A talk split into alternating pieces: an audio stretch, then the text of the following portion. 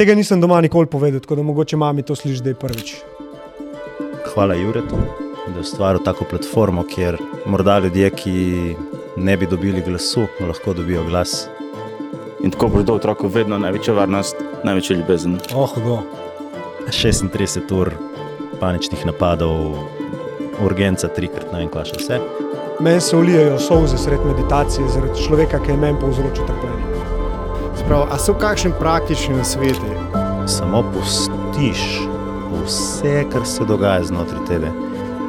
Šele takrat dojameš, kaj je življenje. In potem sem pač spustil neki točki in sem rekel, da jaz bom pač to, kar sem delal, to, kar delam. Dobil sem komentarje, da bi bil moj podcast lahko boljši, če ne bi preklinil. Sem rekel, ja bi ga. Vam povedal en vic, ki mi ga je oči povedal. Si misliš o dežavoju? A si predstavljaš, kako bo, ko bo čez 20 let še kar snemala podcast epizodo? V bistvu imate, po mojem, vsi to izkušnjo.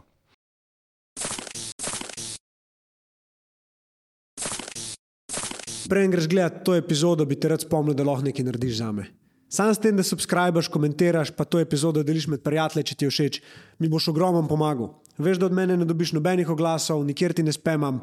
Tako da, če hočeš nekaj narediti za underdoga, je to tvoja šansa. Če si že subskrbil, pa vsaka čast, hvala ti, uživi v pogledu. Hvala, no, ne vem, kaj ne rečem. Res tak support iz prve, po šestih mesecih dela. Lepo je to videti. Um, vem, da je tudi zato zaslužen ta človek zraven mene. Za tiste, ki ne poznate zgodbe, prvo epizodo bi mogla imeti um, jaz, pa Rok Drnikovič. Epizodo smo posneli, po epizodi mi je žbe povedal, da je kartico skorupiral. Drugi gost je bil Matej Turk, ki je po ratu prvi gost in zdaj je vsako deseto epizodo on. Tako da je vesolje že tako hotel. In ko smo zbirali gosta za live, je bilo kar nekaj ljudi na listi, njega ne. In pokar naenkrat je meni pač skočil v glavo človek, Matej Turk. Tako da je Matej Turk spet kle. Um, ja.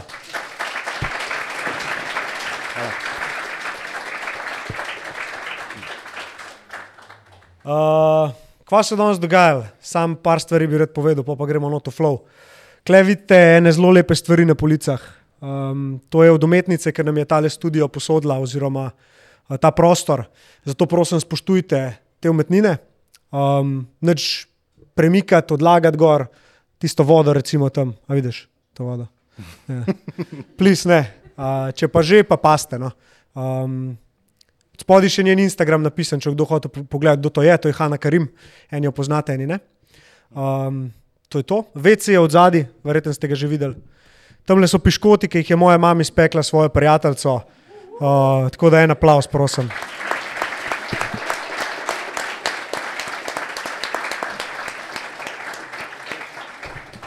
Uh, zraven ste videli v uni sobi vinček, pa pol bo tudi nekaj za pojest. Um, to so fanti iz Bodega Latina, ki so nekako svojo zgodbo spurali, kot so si oni zamislili, in se v bistvu ukvarjajo tudi s cateringom. Uh, vina so iz Argentine, stejki so pa vrhunski, več vam bojo pa oni sami povedali. No.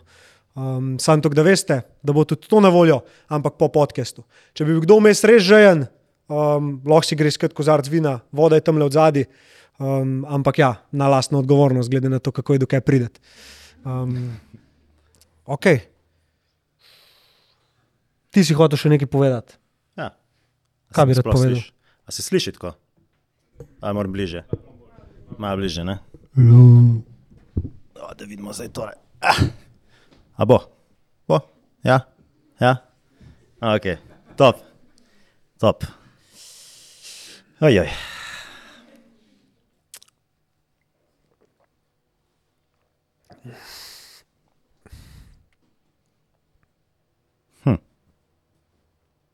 Prvo bom pustil čustvo, da prije čez.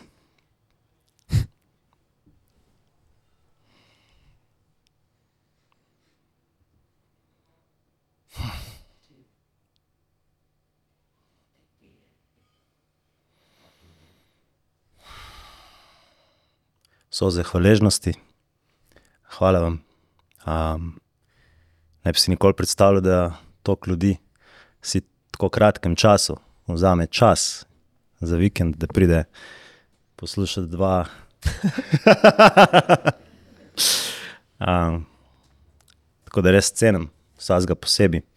Um, vsak tukaj je pridodatek k temu dogodku, noben tukaj ni oduzet ali manj ali več, in isto je izven tega prostora.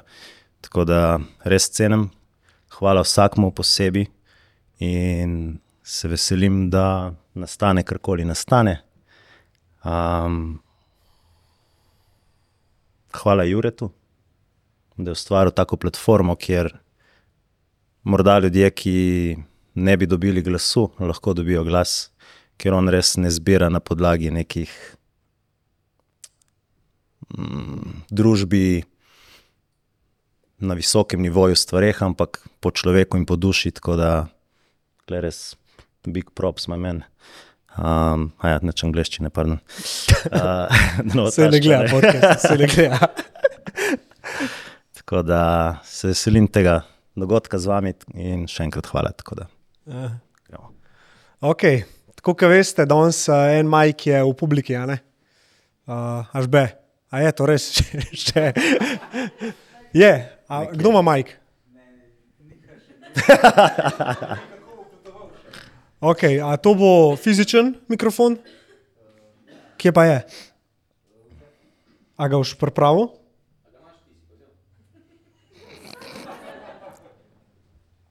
It's all good, it's all good. Sej, sej, A imaš res ti majk? Kje? Prštimi, kar prštimi. Um, situacija je taka, da bo kdo začutil, da bi rad karkoli dodal pogovoru ali pa imel kakšno vprašanje, pa ka bo tematika mogoče taka, ki se ka malo pokliče. Verjetno boste začutili, un, ker tudi jaz čutim zdaj le, tako mal noter težgička, joj pa, a bi, a ne bi, a ne. Takrat dvignite roko, pa dajte to ven. Um, point tega danes je tudi, da se, ne vem, malo damo tudi, tudi midva, da se dava v neko novo, um, nov izziv, kjer uh, ni sam tole, ne, ampak je tole čist drug feeling, vam, vam že jaz povem, ker sem kles dele. Ni isto, ne. Pa sem mislil, da bo tako uno, pač se isto, ne, kva. Jaz bom s tabo govoril, pač samo oni bojo kle gledali. Ni isto. Čut se, um, čutim energijo, pa, pa čutim, ali pa je to samo v moji glavi, uh, pričakovanja od vas uh, za naju. Po neki ste pršali, ne. Verjetno ne poslušati bulšit, um, ampak dejansko spet je lahko to samo v moji glavi. In razmišljal sem o eni stvari, stari. In to je vloge. A, ne? a sem imela mi da to debato. možno. A veš nekako vloge, ki jih igramo v lifeu. Tako mislim, ena vloga je že mama, sin. Ne? Sem zadnjič uh, z mami sva govorila po telefonu. In mi je rekla, kot pač vsaka mama reče svojemu otroku: ne, uh, Veš, jaz bom vedno tvoja mama ne, in ponosna sem na to. In jaz sem bil tako, štekam, ampak jaz tebe ne vidim več, kam imamo. Um, jaz te vidim kot enakovredno dušo, ki jo imam zelo, zelo, zelo, zelo rad. Brezpogojno. In tvoja vloga do mene ni več um, me zaščititi, me voditi, ampak je, da mene vidiš kot enakovrednega, če sploh to še je vloga pol. In posva se mala, ne, naprej nazaj, ona trmasta meni tako. Uh, ne, Jure, jaz bom vedno tvoja mama. Itd. Sem rekel, razumem ta del, ampak ne rabiš več te vloge igrati, če čutiš, da jo moraš. Ne? In pa sem rekel, koliko v lifeu se mi vprašamo tako zavestno, a rabimo še neko vlogo igrati, ali je mogoče cajt, da dojamemo, da nas ego tukaj ne rab več varovati in smo lahko mogoče malenkost bolj svobodni. Ena taka vloga je recimo tudi vloga zaščitnika. Ne? Ta je zelo močna, sploh pri tistih, ki je odnos uh, z mamo, mogoče pri moških, ki je odnos z mamo mal tak, da jo je vedno mogel rešiti. Mislim, da se marsikdo lahko kaj najde. Um, kaj bi ti rekel, glede teh vlog, um, v katere se sami dejansko postavimo? Koliko dejansko je na nas moči, da jih opazimo, pa kaj nam prinese, mogoče na tvoji izkušnji, tudi ko te vloge dejansko začneš razgrevati. Um, vsaka vloga ima nekako svoj namen. za določeno obdobje življenja. Torej, ona je mogla igrati vlogo mame za določen čas, zate. a ne. Zdaj pa samo tako, da bolj rastemo v zavesti in čutenju in dojemanju sebe, je, bi rekel, tista poglavitna zadeva v zadju, kako ti čutiš, kako ti čutiš to vlogo v sebi. Zdaj, če je vloga, kako bi rekel, inkorporira neko jezo, neko, neko težko energijo, neko, nekaj, kar ti ne rezonira v tvojem bitu, ti ta vloga škoduje.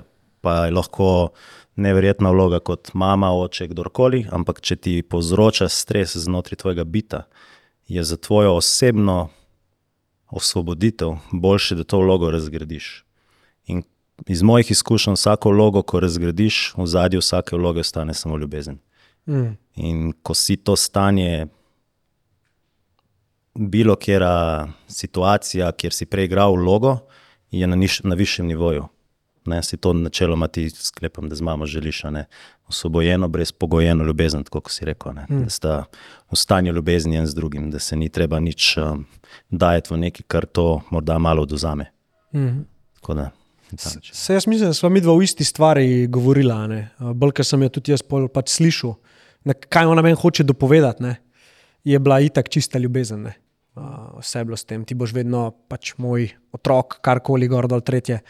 Jaz sem pa malo hotel nekaj, kar sem razmišljal, njej razložiti in je bila uno. Neka potreba, zdaj bom jaz tebi povedal, kako je, da boš ti drugače gledal na to. Ne. Ja. In to doskrat tudi opazim, pač ne samo z njo, tudi z ostalimi. Se kdaj ujamem v, uh, kaj da bi rekel, eni pasti, da mogoče nekomu hočem. Ne vem, če je svoj prav, ampak svoj pogled objasniti, da bo dojel. In tudi s podcastom, recimo, kaj je podcast meni dal od prve epizode dalje.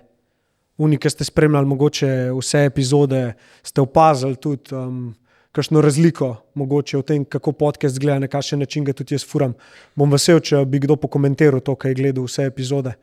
Um, opazil sem, da nimam več potrebe po tem, da bi to, kar sem mogoče na začetku hotel pokazati, veš, jaz sem tudi klene. Veš, ni, ni sam gost. Jaz bi tudi rad svoje mnenje povedal. Je zanimivo, kako sem čez feedback od vas, verjetno, ker ste tudi tukaj, dojel, da eni ste mi napisali preveč tega, eni ste mi napisali premalo tebe. In sem jih tako, koga zdaj poslušati, pa a jaz zdaj njim napišem, kaj jaz mislim ali ne. In pa sem pač spustil neki točki in sem rekel, le, jaz bom pač to, kar sem delal, to, kar delam. Dobil sem komentarje, da bi bil moj podcast lahko boljši, če ne bi preklinil. Sem rekel, je bi ga. to je moja resnica. ne. Um, sem dobil feedback, da bi bilo dobro, da je več stvari v slovenščini. Klej se trudim, ker se strinjam, da imamo zelo lep jezik, pa zelo malo nas je, pa je fajn, da ga negujemo. Mm. Da klej se trudim.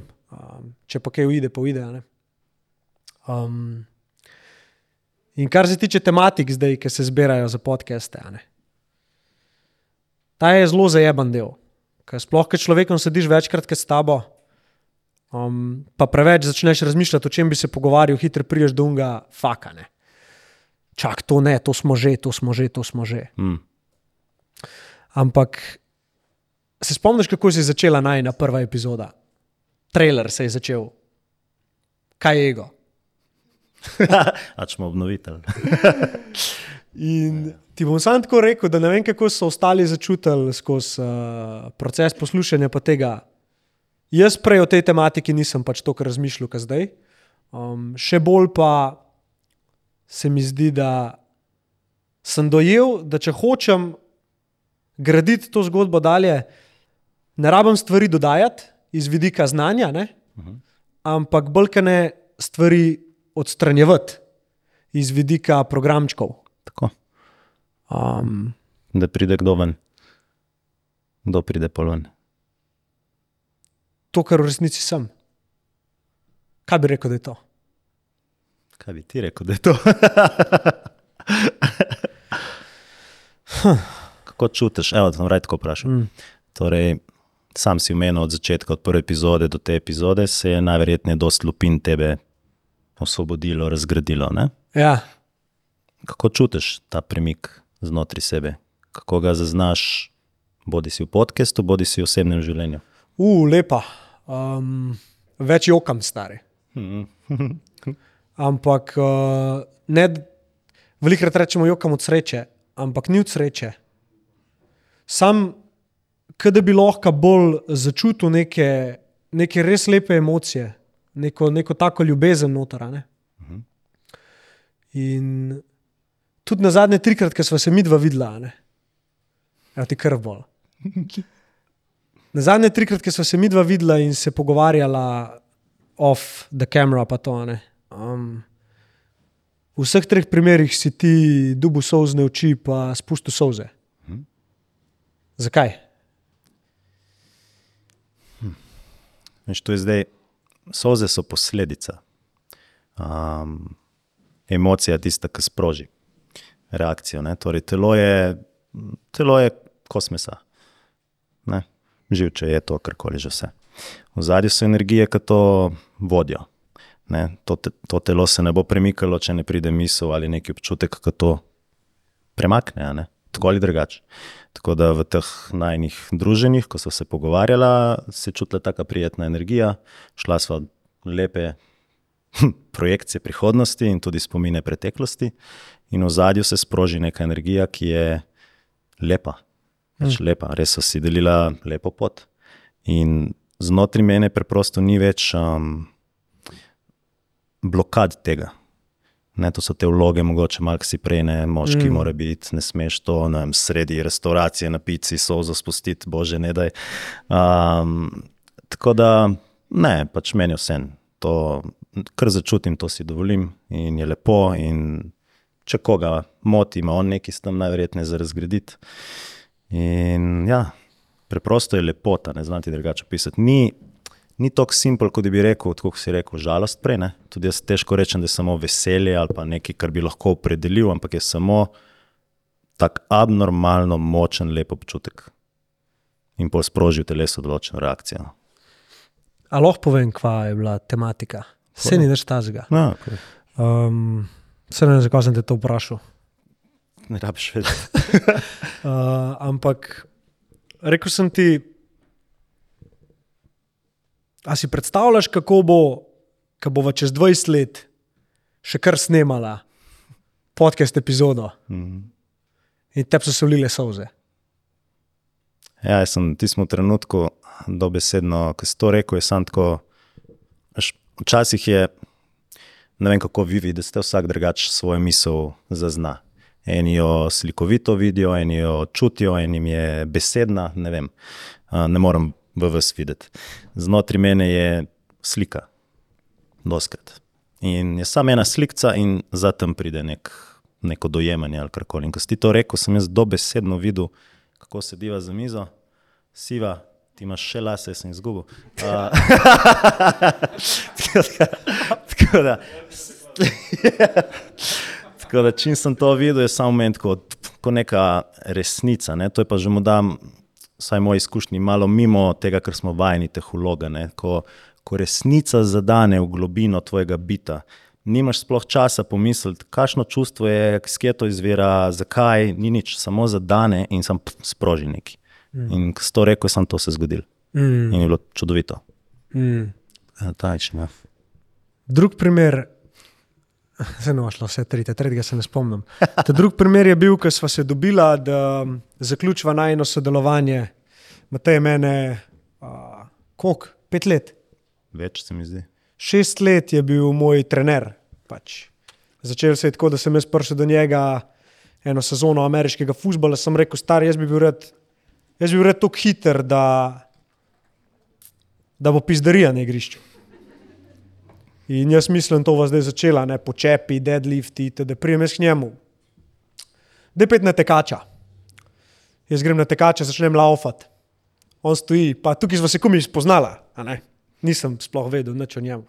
On stoji tako meter pa pol stran od tekača, mene gleda. Uh, ok, lo greš dol. En mesec pa pol sem delal vaje brez uteži, tako da sem ležal na tleh, pa mogo raztegovati ta bok, pa un bok, mene je vse bolel, naredil nisem nič. In klej sem jaz videl njegovo inteligenco glede tega, kaj, um, s čim se ukvarja. Kako je on pripravljen na drugačen pristop meni odpreti glavo, da bi jaz lahko dosegel tisto, kar sem uh, prišel tja iskat. Uh, in isto se je zgodilo zdaj, po vem, treh, štirih letih, ko je Matej začel se malo bolj ukvarjati z uh, mogoče razgrajevanjem ega, nekih vzorcev v glavi. Um, vem, kako bi temu rekli, ja. psihoterapija, kaj ne vem, se Ne. kaj to. Ne, ne. To je drugo. To je drugo. Um, in isto sem videl, kle, kako napreduješ in kako rasteš. In, um, me zanima, če se spomniš, um, kaj v tebi se je zgodilo, oziroma kera izkušnja je bila tako močna, da je tebe začela usmerjati v bolj duhovno sfero well-beinga. Več jih je bilo, um, ampak tista, bi rekel, prva, tako bolj um, dojemljiva. Ker prva bi rekel, da je bila pri 19 letih, um, tistih devet kukijev, tisti, ki veste, veste. Um, še, 36 ur paničnih napadov, urgenca, trikrat, ne vem, kva še vse. Ampak takrat, kot otrok, itak ne dojameš teh sfer, ne štekeš, zakaj ti kar naenkrat postaneš svoja žila in kri in živci in vse skupaj, pač dejansko si to. Ne? Ker mi smo tako nečuteči svojega telesa in svojih mehanizmov znotraj sebe, da več ali manj smo ta misel, pa ta glasek, to je to. Drugega, če se udariš, mogoče, a ja, koleno imam, se res. Um, ne? no, in tista izkušnja je šla samo hitro mimo. Mm, potem pa deset let kasneje bi rekel, da spet se o psihedelikih pogovarjamo. Um, je bila, so bile gobe, tam sem prvič res šel v neko drugo sfero, neko drugo dimenzijo, ki jo ne moreš umsko, ne moreš to objasniti, težko daš v besede. In vidiš, da je nekaj več. In da si tudi tam, da si tudi tam prisoten. Pol se obrne, gre nazaj v telo in začneš čutiti po telesu neke bolečine, ki jih nikoli nisi čutil. Neke res trde, stisnjene groze. In kar naenkrat se ti odpre bum in vidiš en spomin iz otroštva, ki je mama mogla trpeti zaradi tega in tega, in ti kot otrok si bil zdraven in, in te boli. In sploh nisi vedel, da tega imaš v sebi. Zavije, gre očeta, itd. itd. In pol je spremem ven z tega, ker po vsej naš, v vseh naših navadah je to nekaj groznega za doživeti. Zakaj bi hotel to doživeti? Še enkrat. Pridem ven, kot da bi spustil 10 ton. Čist lažji, drugačen, perspektiva drugačna, čutenje drugačno. In sem bil, no, wow, ok, to je nekaj ekstra. Začnem se izobraževati, tako da bi rekel, ta je bil prvi, kjer je bilo integrirano, kjer sem dejansko dojemal, malo, kaj se dogaja. Mm. Zatem je bil ta bufo, ki sem ga tudi omenil, kjer pač ni več uma, ni več telesa, ni več materije, ni več nič, kar ti je znano. Pač dobesedno umreš kot človek, ampak obstajaš še vedno. In iz tam, ko nazaj prideš, še enoter. Res, šele takrat dojameš, kaj je življenje, tukaj zdaj in koliko je to vredno, in koliko si nepotrebno delamo trenutke in izkušnje, ki nam jemljajo ta čar. In je, je res škoda, je res škoda. Mm. Zatem je pa bilo ogromno dela na sebi. Torej, dojemanja tega um, v spiritualnem oziroma duhovnem aspektu in v čist prizemljenem aspektu, kot odnosi, izražanje itd. in v zadju opazovanje teh vlog, ki morda ti ne služijo več. Tako da bi rekel, da pri meni, prek semeno psihoterapija, bi, jaz sploh ne bi rekel temu, da je nekaj, kar sem iz zuni dobil, pa zdaj sem se nek navadil, ampak je nekaj, kar sem sam prehodil in skozi lastno izkušnjo, ker vsi načeloma smo ljudje, vsi imamo misli, vsi imamo čustva, skozi lastno izkušnjo približno začutim in vidim, kje je človek. Seveda, nikoli ne bom jaz uturil moje mnenje noter, ampak poskusil človeku odpirati, da on sam to vidi, sam dojema, sam čuti in se sam razgraja, ker mm. to vsi imamo znotraj sebe. Vsak, se, vsak ima vse kapacitete in zmožnosti se razgrevati nazaj v ljubezen, brez problema. Mm. Um, tako da to je.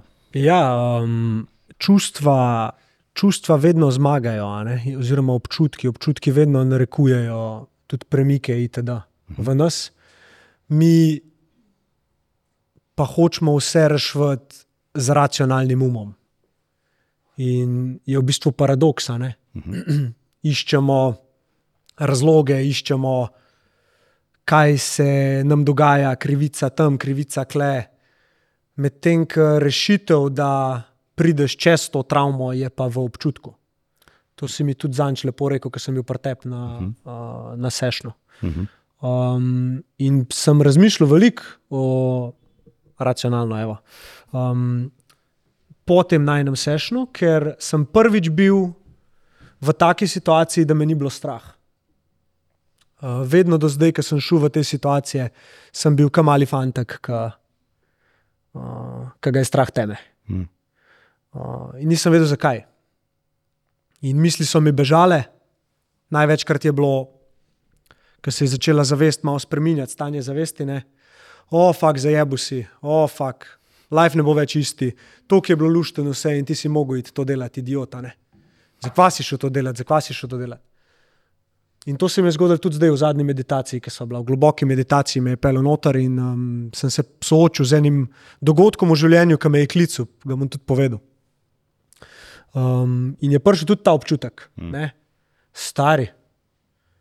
Kako, kako zdaj to drugače vidiš, sam tema je, kakva, ne, čak, da je pogled, če še kle, da si dol pretvezan, pet nazaj, pet nazaj, pet nazaj. Tišina. Globi, globi, globi in kar naenkrat se je razbil. Mm. Verjetno si opazil, da sem se kaj nasmihal ali pa smejal vmes. Um, ampak ja, že doma, ki sem bil, zdaj, ki grem meditirati, grem ponovadi tako, da me pokliče. Ne? ne vem, pomislim Ja. in grem. Ni uno, ja, mogoče ne zdaj, ne, ker se čutim, grem. Dihalne vaje, notro meditacijo. No, in grem jaz v meditacijo. Ah, In um, zelo hiter pridem do enega spomina iz otroštva, k, ne vem slovenske besede, ampak ker sem bil buljan. Torej, nisem imel bratov, nisem imel sester, edin sem bil. Živeli smo na nekem takem predelu, ki niso bili lih lepo vzgojeni, otroci ostali, no, kako bi rekel. Um, in v tem obdobju, Sveda poznate. kako naj to lepo povem, stari. Ni bil on, ni bil on. Ful lepo je ta drama se stopnjevala, evo, bravo, hvala. V glavnem, ja, in, um, in, ja, in uh, v tem obdobju sem bil zaciklen malo v to, da sem hotel ljudem biti všeč, hotel sem nekam pripadati, hotel sem se nek počutiti sprejetega. ne. In lih v tem obdobju sem mogoče to kdaj delal na tak način, da sem bil malo preveč brihten. No, in potem so se začeli spravljati name. In jaz, um, ki so me kdaj pretepali na poti šole, kaj tasga. Tega nisem doma nikoli povedal, tako da mogoče mami to sliši zdaj prvič. Um, ker uh, me je bilo sram. Ker, um, ker sem pogledal svojega očeta, je bil on za me nekdo, ki bi, unga, ki bi mu težil z prve udarov na gobec. Jaz sem pa vedno zmrznil. In ta spomin me je pol pel v, v spomin z, mojih, z mojim najboljšim prijateljem Žigatom, ki me je ta družba takrat tudi začela odrivati stran od sebe. In sem ugotovil, zakaj. Ker sva imela enkrat oba skupaj to srečo, zdaj, ki nazaj gledam, da sva se srečala s temi bulji. In on se je boril zase, jaz sem pa stol, pa zmrznil, pa gledal. In jaz sem začel čutiti, kako mene vse to stiska v meditaciji. In um, kar naenkrat jaz vidim tega svojega bulja, kaj da bi bil pred mano. In se v enem trenutku pomanjša v tri, dve, tri leta starega fanta, ki je zaprt v sobi in ga oče tepe. In meni se ulijajo solze sred meditacije zaradi človeka, ki je meni povzročil trpljenje. Solze se mi ulijajo. Ne od žalosti, ampak od sočutja.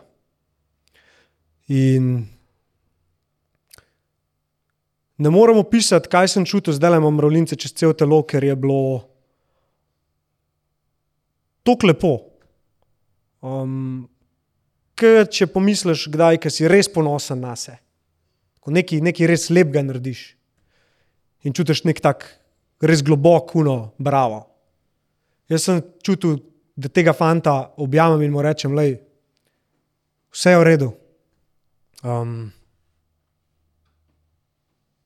s tabo ni nič narobe.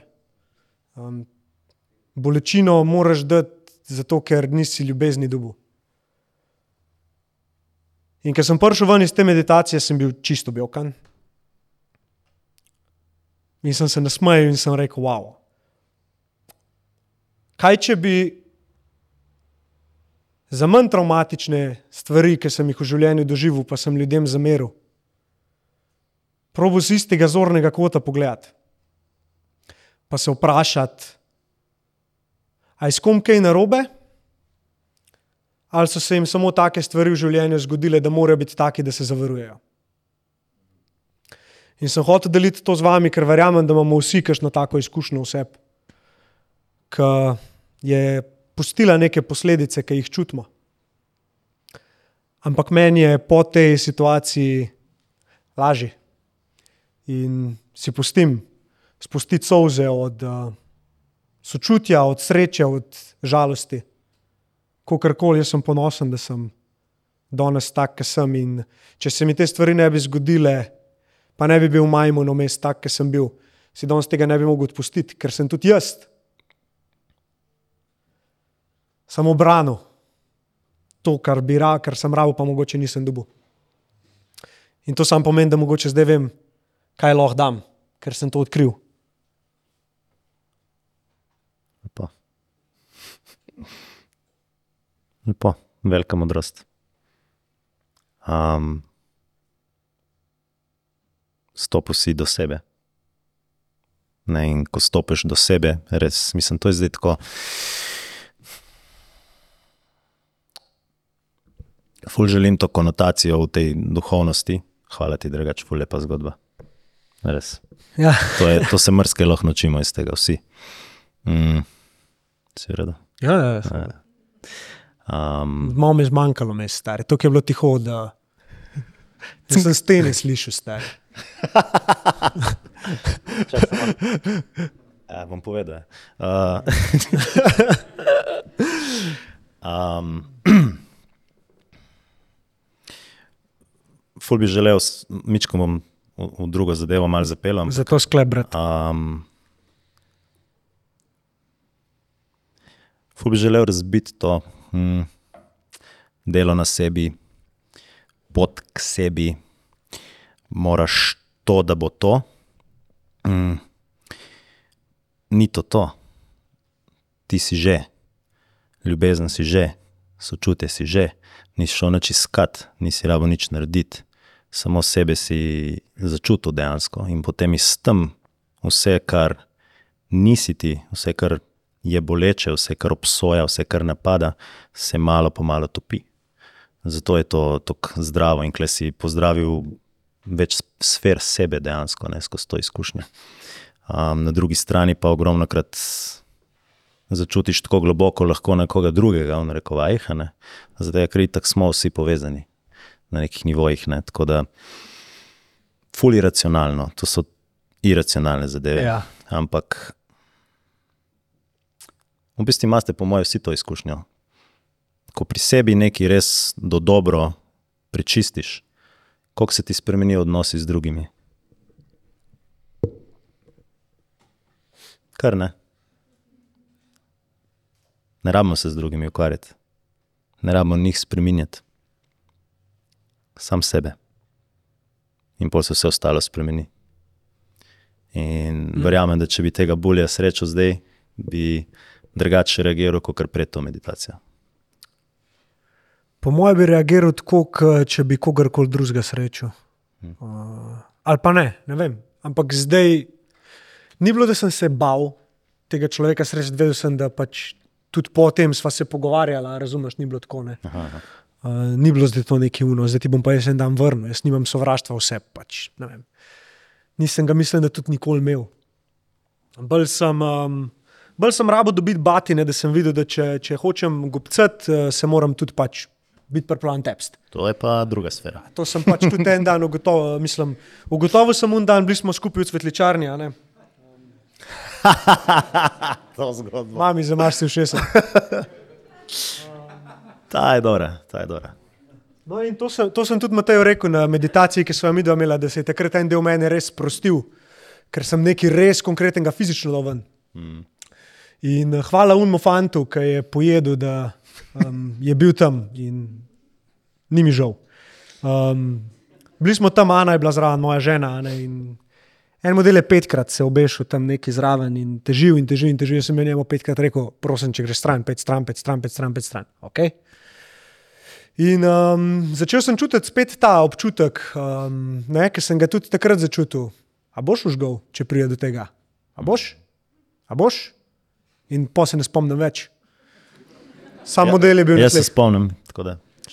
Um, ampak dejansko, ja, pa vem, da je nasilno dejanje, pa pač, ma, ne vem, se, so vse. en. V glavnem, kar hočem povedati, je, da um, fizično sem začutil, da je šlo nekaj takrat iz mene ven in od takrat naprej mi je bilo tudi lažje. Tako kot zdaj, recimo, ko sem šel malo nazaj to pogledat, pa sem sočutje izkazal, spet je lažje. ne. Ampak vedno je, bil prisotno, vedno je bilo prisotno čustvo. Ne? Ne, nisem nič z umom rešil. Ker če bi jaz z umom to rešil, bi še danes bil un fantek, ki stoji pa tako le gleda, pa, pa upa, da se bo treba nič uh, fizično z nobenemu pač postavljati. Mm. In nimam potem potrebe, da reč od tega. Tok manj, kot včasih, da glava boli. Pač, um, če pa pride do tega, mi pa ni panike. Sam to je zdaj razlika. Um, in mi je zanimivo, ker si na ta način gledal, uh, pa rekel, da delo na sebi itd. Ne? Ena nevarna stvar tega dela na sebi in tega, te potrebe po spreminjanju, pa po rasti, pa po sploh mentalni, oziroma kako bi rekel, spiritualni rasti je ta, da tudi takrat, ko ni nič narobe, ti moraš ti nekaj rešiti. In kar nekako vedno so neke travme pol. In si vedno zaciklen v to, da nekaj rešuješ. Seveda. Selih to je ta uh, past minimalna, da ima tako reči, ker treba delati na sebi, treba popravljati nekaj. In to ti avtomatsko ustvari znotraj tebe vlogo, ki išče nekaj, kar je narobe s tabo.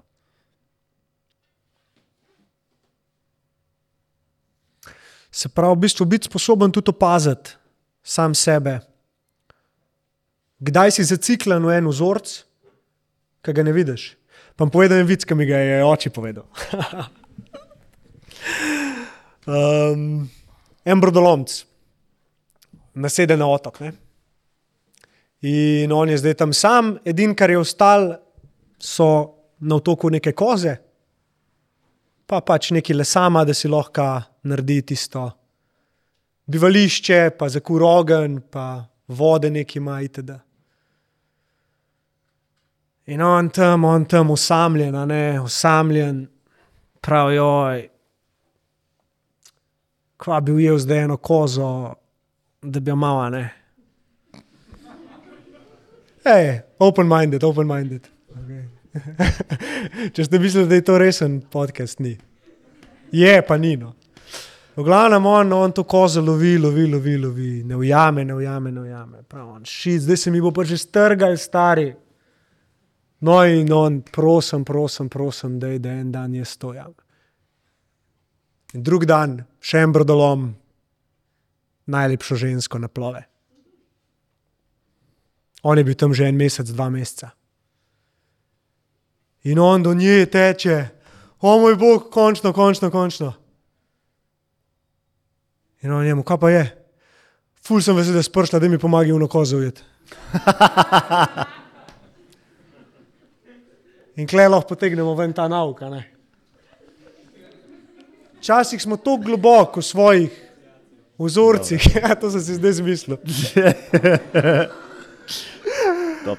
Včasih smo tako globoko v svojih vzorcih, da tudi takrat, ko nam življenje da nekaj najlepšega za nas možnega pred faco, smo mi toliko obremenjeni s tisto stvarjo, ki jo hočemo, pa jo ne moremo dobiti, da tega, kar nam je life dal pred faco, ne vidimo. Zato je mogoče dobro, kdaj malo stopiti z gasa, pa reči, mm, le ta lep dan, kva bom danes dobil pred faco, ki mogoče ne bi opazil, če bi se preveč gnil za enimi stvarmi, ki mi niso tako pomembne. a ne. To je to.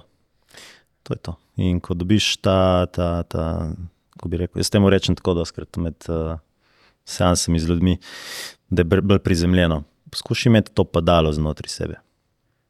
Mm. Če si res pozoren, ko si v misli, se ti zoža percepcija. Rateš zelo sfokusiran samo na eno stvar. In, in sploh ne zajameš širine okoli tebe in čutenja in vsega. Ne. In bistveno je samo ujet, ko not padeš v to in to padalo. Da dobiš razdaljo nazaj, da dobiš prostor, kjer lahko zaznaš nekaj, kar morda ti ta misel ni dovolila videti, tako kot si rekel, recimo to kozo. ali. Ampak dobesedno to je. Dobesedno to. Če ti konstantno nekaj koplješ, pa iščeš, pa si tako sfokusiran v eno stvar, predvsem nekaj, kar je narobe s tabo, noč nikoli videl, kaj je lepega v tebi.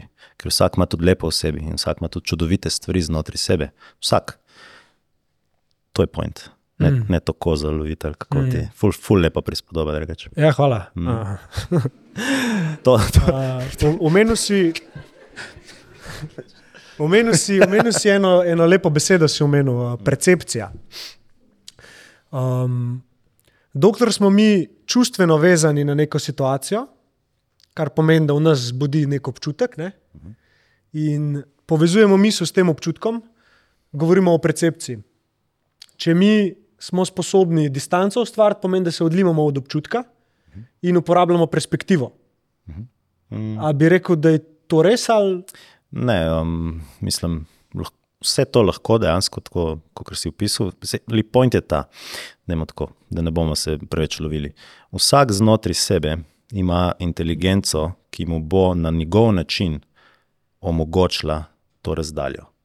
Mi si kle samo delimo določene izkušnje, ki je vsak prehod znotraj sebe. Nobena ne bo ista. Tako kot hipotetično jaz te stvari doživljam, pa pa ti, noben drugi tukaj jih ne. In tudi mi dva jih ne bo isto. Bistveno je, in zato je meni osebno od vseh teh um, praks in religij, budizem, tisti, ki mi najbolj rezonira, je zato, ker tam ni nikoli bila neka dogma, ki je ista za vse. Tam je bilo usmerjanje v posameznika. Hodi not in spoznavaj, opazuj, kontemplati. Misli se konstantno spreminjajo, čustva se konstantno spreminjajo. In zdaj to padalo je samo to, da ti se malo odmakneš in pustiš to misel, ne malo dela, pa to čustvo ne malo dela. In ostaneš samo tisti, ki zaznava to. Ne greš stoprocentno takoj not, pa reagirati, pa se igrati s tem, ampak pustiš, naj ta vihar mal se razbremeni. In zatem dobiš to širino in to, ta širši spekter, da lahko iz sebe narediš morda drugače, kot ti je ta misel in to čustvo želela narediti na podlagi tega, kar ti je znano, kar si naučen, kar je podzavestno. Kako bi zdaj nekdo v praksi, v svojem lifeu, to orodje, ki si ga kar predal v teoriji, uh -huh. uporabil? Čist preprost. Na začetku je fajn, da imaš prakso. Ne, ti si lepo prej povedal, ne? zdaj, zdaj ne rabiš več prakse, zdaj pride dan, meditacija, greš. Okay? Morda na začetku, vsaj iz mojih izkušenj, je fajn, da si dobesedno narediš malo bolj uh, rutino iz tega. Mm -hmm. In je čist preprosto, samo kako ti paše. Ne rabiš križne noge, noge za glavo, ne vem, kaj še vse. Daš se udobno, si sproščen. Okay? Zapreš oči in samo pustiš vse, kar se dogaja znotraj tebe, naj je tako, kot je. Ne rabiš nič razumeti, ne rabiš nič spremenjati, ne rabiš nič dojeti, od ničesar bežati, nič. Samo pustiš, naj te sile delujejo znotraj tebe tako, kot morajo. Naj misli nastajajo tako, kot rabijo, naj čustva pridejo tako, kot morajo. Ni nobenega, ki to obsoja ali pa konec koncev tudi doživlja. Je samo neko dogajanje, ti si pa samo prisotnost, kjer se to dogajanje lahko odvije samo. In deset minut, bi rekel. Hmm. Ne bi rad omejil na čas, ne vsak dela, kot čuti, seveda, ampak malo več je boljš. Torej, samo biti, po domače povedano. Hmm. Pa tudi, da se ujameš, zdaj med tem, ki se to govori, je prišlo gor. Tudi, da se ujameš um, v teh trenutkih, ko, ko si na avtopilotu, a ne kaj greš po neki vzorčni, vzorčni poti, pa mogoče delaš neke stvari, da se znaš takrat ven potegniti. To se ne zgodi tako, da boš zdaj se ti odločil in takrat se zbudil, a ne pol pač bi vsak to lahko delal, ker se enkrat nočiš. Jaz mislim, da se začne tako, da se večkrat na dan zavedaš, pa se sam povežeš s trenutkom iz vidika, ok, začutim se, en del telesa, karkoli. Meni se je to začelo dogajati, pa sem se čistko nezavedno postavil en poligon. Vsakič, ki sem prišel v liftu, sem se v špegu pogledal in ko sem se v špegu pogledal, sem se spomnil. A, ok, poveš se s tabo. In se mi je začelo to pač na dnevni bazi dogajati, in zdaj večkrat na dan se ujamem lahko, ker mogoče sem malo zgubil ta stik z, z trenutkom, kot zdaj le recimo, nekaj padeš v debato itd. Spet uno, ok, ustal se. Malo se poveš s mirom, z, z tem obstojem. Ne, ne sam hiteti od enega teska na drug tesk, pa klej, ki smo postavljali, vi niste videli tega kaosa. Um, ampak smo zrihtali vse na koncu. Ampak vmes, ki si, si ujet ujeti, ker je treba delati, delati, delati, delati. delati, delati. Jaz si pa predstavljam, da imaš ti tako službo. In priješ domov in še to službo sabo vlečeš, in že doma, kva se je zuno zgodilo, pa kva to, pa veš, kva je una rekla, itd.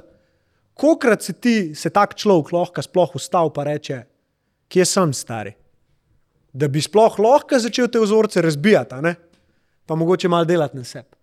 Zato ta del delati na sebi se začne tako, da po moje, da se ti zbudiš. Ne vem, saj jaz tako vidim, mogoče če svojo izkušnjo gledam. Ja. Uh, Mislim, da je tako. Skozi svojo izkušnjo. Ja. Svojo izkušnjo, ki si rekel. Ja. Mm, kaj ti je najbolj prijetno stanje? Mir. mir. To je to. Um, ta mir mm, hitro gre, ne? hitro zgine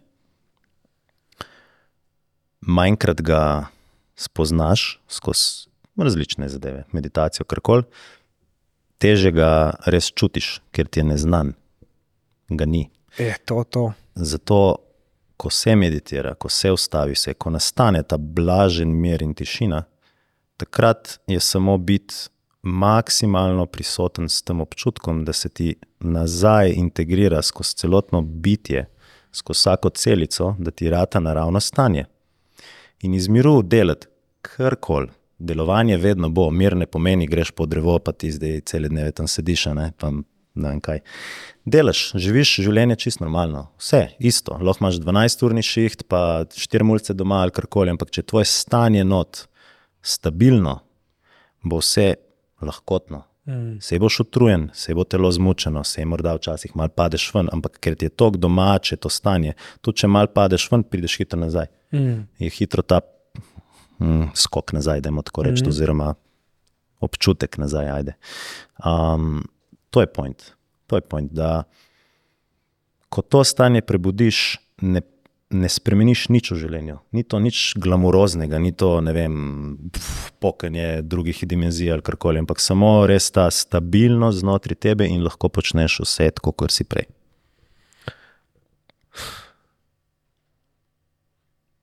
Zdaj sem ga jaz prvič začutil. Ker je zraven mene oče umiral.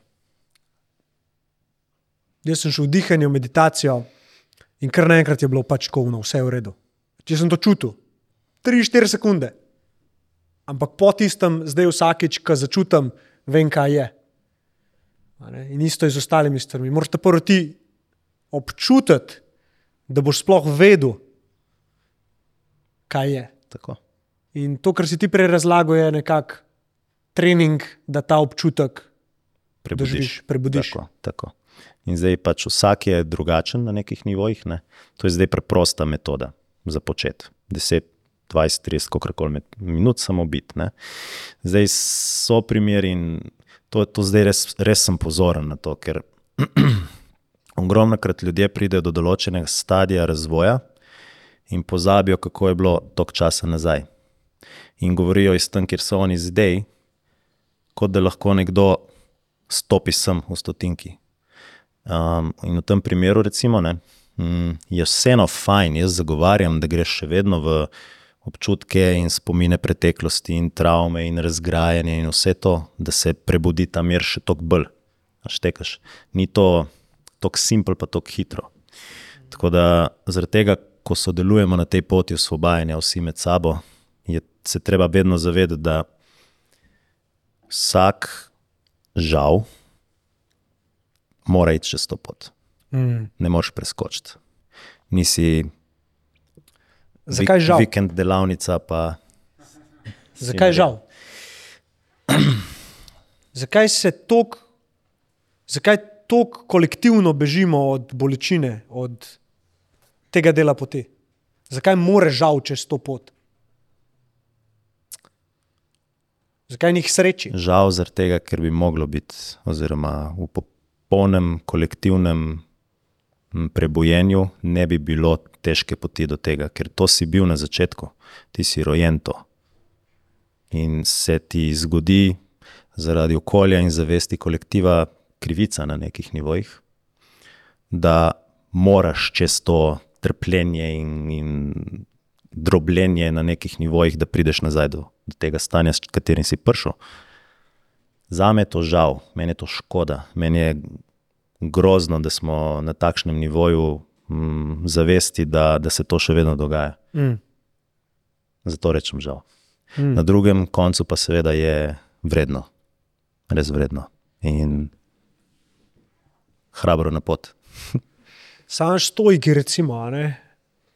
stojki zelo verjamejo v to, da je bolečina najresničnejša stvar na svetu.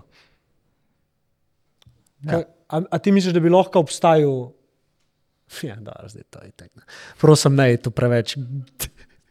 Tam dimenzije za četrto. filozofiramo malo. Ja. Um, A mi je fajn to drugače, da malo tako. Ja? Okay. Rabi a, to. vi ste še kle. Ej, uh, dej, uh, kašno, dajmo se malo vključiti. Mm. A prav. A bi se kdo preklopil zdaj le? Lahko jaz nekaj sam čistko za Ja, forum. pa dej, no. Evo. Pa dej, no.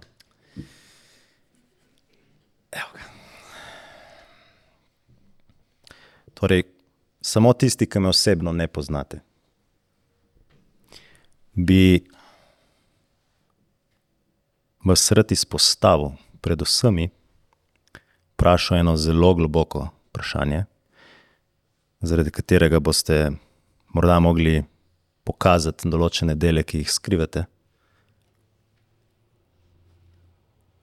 In deset takih ljudi bi rad. Tako da odprto je in tiska roko dvigne.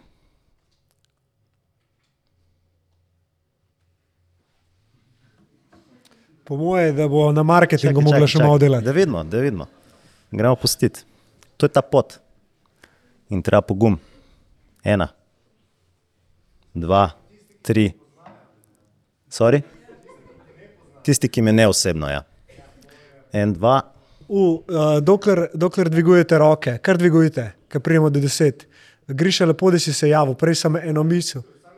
tri, lahko. Dobro. Mi dva se tako poznava, ajde. Tri, štiri, pet, šest, sedem, osem, devet, deset, stop. Hvala. Držite roke gor, tisti, ki ste bili. Ti si držal roko, gor, Evo. stari. Torej, 4, 6, 8, 9, 10. Ja. Mal je bil trik, ker pogum je tista stvar, ki je potrebna za to pot, ki sem jo opisoval. In vas deset, ki je dvignilo, dajte prosim še enkrat, sorry. Ok, torej, kako ti je ime? Domen, Timotej, Andraš, Gregori, Špela, to je šest, ne? Zgleže. sedem, osem, Naci združi. Katja. Turk, Zapomnite se, tisti, ki rečete ime, zapomnite si. In tam zadnji. Kako? Ja, in? Ti si rekla? Pardon, ti ja. Katja, ok. Deset vas je, zapomnite si, prosim. Zakaj sem to zdaj naredil? Torej, prvo je to, da pokažemo to. Potreben je pogum, če greš na to pot. Ne gre drugače. Mal sem dal tako vprašanje, kjer moraš biti pogumen, da to narediš, kar se zdaj naredil in vsaka vam čast. In zdaj scena pa ta. Znotraj svojega delovanja sem se odločil, da bom tudi skupinske začel, ker ena na ena se mi vse polni. In Želim ljudem omogočiti, da pridejo tudi skozi skupinsko. In vas deset ste prvi, brezplačno. Let's go! Tako Bravo. Kaj pa dobro, stari. To mi deli.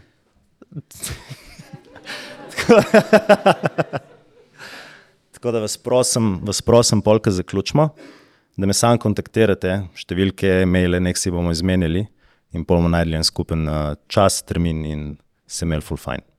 Tako da hvala. Hvala.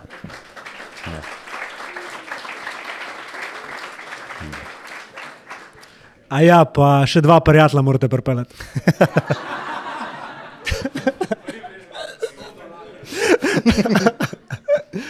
Uh, ne, prej se je fulo podrgač. To mi nisi povedal, da boš naredil. Mi je všeč, ne.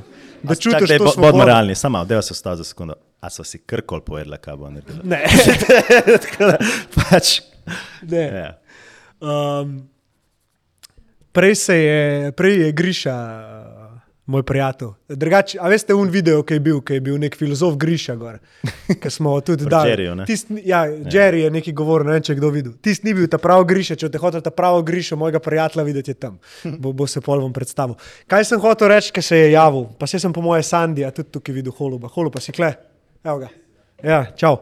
Um, to sta dva človeka, ki sta od mene malo starejša in mal. Um, in v unih letih, ki sem, unih letih, ki sem jaz imel občutek, da se moram konstantno nekaj dokazovati, pa biti nekaj, kar nisem, tak pavijanček. Um, sta one dva v meni videla že takrat um, nekaj lepega. Videla sta v meni zmagovalca. Jaz sem pa od takrat vse videl luzerja, zato sem bil tako glasen na ven, da sem dokazoval, da nisem. Ne. In taki ljudje, ki jih imaš danes še kar ob sebi, jaz sem zelo pač vesel, da sta še kar kle, um, kako koli obrnemo, s kjer koli pogleda. Če imate take ljudi v lifeu, ki so govorili z zmagovalcem znotraj vas, še preden ste vi videli to, jih pokličite, pa jim povejte, da so nekaj lepega odklenili takrat v vas, da ste danes lahko to, kar ste. Čistko. To sem prej začutil, ker si se oglasil, tako da hvala. Um, zdaj pa ja.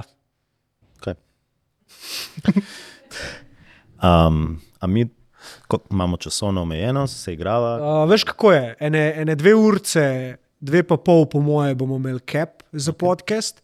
Um, Okay. če boste sodelovali. Če ne boste sodelovali, pa pa štiri. Zakazati. Zakaz. Uh, evo, uh, mikrofon, amadej. A smo zrihtali mikrofon? Až Aha. da prosim. Da, da, da, Ej, mikrofonček je sam za podcast, lahko tudi stojiš. Ja. Uh, da polka bomo objavili, a veš, da boš tudi gor. A ti je kul, cool, če se te snema. Če komu nov kul, cool, da se ga snema, javte. Okay? Ampak smo gut. Okay. Ja, eh, vprašanje imam prej, ki ste govorili o tem, da moraš čez to pot, čez žal, ne, čez to pot, ker to zdaj govorimo, ne vem, verjetno, ko smo že odrasli, eh, odrasle osebe. Pa da, ko se rodiš, se rodiš tako, kot si. Eh, Kako je pa zdaj, ne vem, kaj vidva, kaj to, recimo, da greš ta čez to pot ali pa da ste že zelo, na zelo dobri poti, ne, ne vem, na svoje otroke ali pa na mlade, kako, kako se tam lotiš. Um, jaz nimam otrok. Bravo, da- drugače. Dobro Lepo vprašanje. vprašanje, ja. hvala. Um, lahko pa povem, glede prijatelja. Uh, jaz, jaz ne bom, hvala. Jaz, ob, kar ob, oba ste zate. Ti ne boš. Ne, Bo um, kdo vinček bil? Ja, izvoli. evo ga, to je to, po domač. Dvignila roko, a? Ja, čin želim, čin, čin. cheers. Mm. Mm. Torej, čeprav razumem, te je zanimalo, kako prenesti na njih to, ali kako njim Ja, tako reči, ki sem. Tako jim to predstavljam. Ali naj grejo čez to foto. Ok, to zdaj imaš dotičen primer v svojem življenju, ali če splošno govoriš? Splošno. Ok, splošno. Torej, jaz lahko govorim samo z izkušenj z prijatelji itd. Um,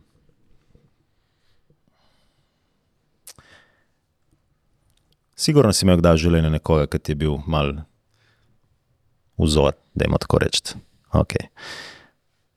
A ti je bilo bolj fajn, kot je on govoril, kakšen moraš biti, ali ko je samo bil zelo prijeten, pa te je to rezoniralo, pa si želel tak postati. Tako. Pač ti bodi, ti sam bodi, lepota, to, kar si, in bodo že ljudje iz tega se učili.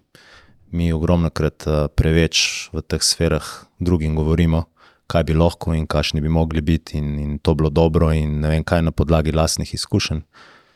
Različni smo si, vsi.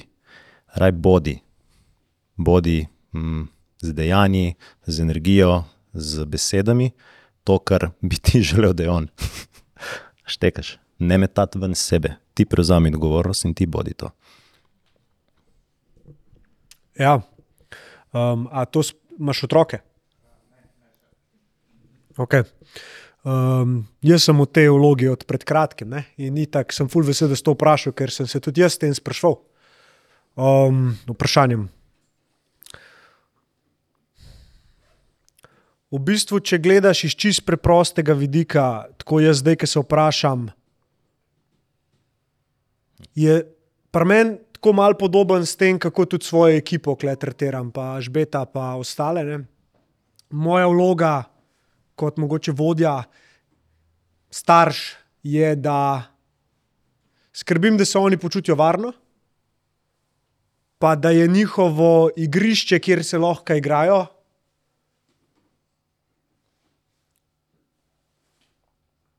Zaščiteno, da lahko igrajo po fair playu, ne vem kako bi rekel. Torej, jaz samo omogočam, da pot, ki jo bo Irina moja prehodila sama, da ona točno ve, da ima zraven sebe mene in da je dovolj dobra, ne glede na to, kaj bo delala. Ne. To mi je Sara zelo lepo povedala na podkastu, stal mi je v glavi in to, to jaz nesem grob sabo. Res, mm. tako, za njo sem tako hvaležen, da sem to doživel. Še s tako energijo mi je predala, da se je zgleda res usedel. Um, občutek varnosti, pa zaupanje, pa seveda fokus dati v to, da na sebi delaš, da svojo resnico živiš in da ne kontroliraš preveč njene. Veš, veliko staršev, ki so mogoče tako tretje razredni športniki bili. Polsko svoje otroke hoče svoje sanje izživeti. In že od začetka neke treninge, neke trenerje, najhujše prehrano, itd. Sam zato, da pol tam malo per 31 lahko ugotovi, da je moj ful zakon igrati klavir. Kaj? Ja, seveda, a date nikoli, prosim, mikrofon. Kdo ima majk? Ti. Um, Um, in, ja, preden, preden uh, dobiš besedo, Nikola, bi sam še rad rekel, da um, na Redditu, a poznate Reddit, to je forum, ne, je bilo eno dobro vprašanje gor. In sicer uh, so vprašali starše, um, če bi dobili tisoč evrov za mentalni razvoj svojega otroka, oziroma da bo otrok pač da bi nekaj dal svojemu otroku, kam bi jih dal. In tudi moj instinktivno prvi je bil povezan, ne vem, ali neki v izobrazbo, ali neki v neko lepo okolje, neki za njega. Ne. Najbolj upvoten komentar in to mi je pogrel srce, je bil v odnos staršev. Investirali bi ga v to, da bi se odnos med starši izboljšal. Ne. In smo spet tam. Ne rabiš ti kontrolirati pri otroku. Že ta odnos, ki ga otrok gleda, pa čuti, je za njega ogromno. Um, tako da ja. Um, sorry, sam, bi si ti rad mal še. Um, kako te bile me, sorry? Jakob. Uh, po mojem je še zmeraj. Um, še, vmes sem dobil še eno, tako, mogoče malo bolj um, še dodatno, simpel. Um, na pot ne stopiš, na poti si, vsak izmed nas. Ni, da nisi na poti, vsi smo na tej poti. Tako da, kar bi rekel, da je fajn, da prej se resno zavedaš tega, resno, in začneš s tem bolj delovati, je samo to, da zakaj bi čakal, da te življenje prebudi skozi najverjetneje neprijetno izkušnjo. Dosti ljudi se zbudi ob nesreči, ob smrti nekoga, karkoli že. Zakaj bi čakal to? Zavedi se, na poti si. Odkar si za joko zadihal, si bil na poti. In se treba tega zavedati in vzeti odgovornost za to. Tako da nobenega ne moreš prisiliti, da se prebudi v to, ampak poskušaš biti sam, vzgled, kot sem ti rekel, ampak prej ali slej bo vsak prišel do tega. Tako ali drugače. In se treba prebuditi, zakaj bi čakali. Je brez veze. Življenje je lahko čudovito, zdaj, tukaj, ta trenutek, samo prevzami odgovornost. Ne, sam hotel sem vprašati, če bi imel kdo za budilko, Mateja, tako kot nekaj tasga reče. bi imel? Ko bi plačal za to budilko? Kjecem se. Kjecem se. Legenda. Nikola. Uh, mikrofon imaš z razlogom, veš. Ja. Sam se, se, se, moramo glas govoriti, se, se sliši, ne slišim Jaz zvočnik. te slišim, sam Ja, zadnji. to se ne sliši na zvočnike, to je sam za. Sam za podke, vse Ja. to je. Um, A, okay. En tako ultimativni nasvet za otroka, ki bi ga jaz dal, ki sem res začutil, da bi ga delil, je, ko te otrok objame, toliko časa drži objem, dokler njemu ni dovolj. Mm. On spusti objem, in takrat je tebi dovolj. In tako boš dal otroku vedno največja varnost, največja ljubezen. Oh, hudo. um, On spusti. Nikola je tako en bližjih prijateljev mojih in hu, Sozice bojo. ide. Um, Nanj sem v življenju še spoznal bolj zavestnega očeta.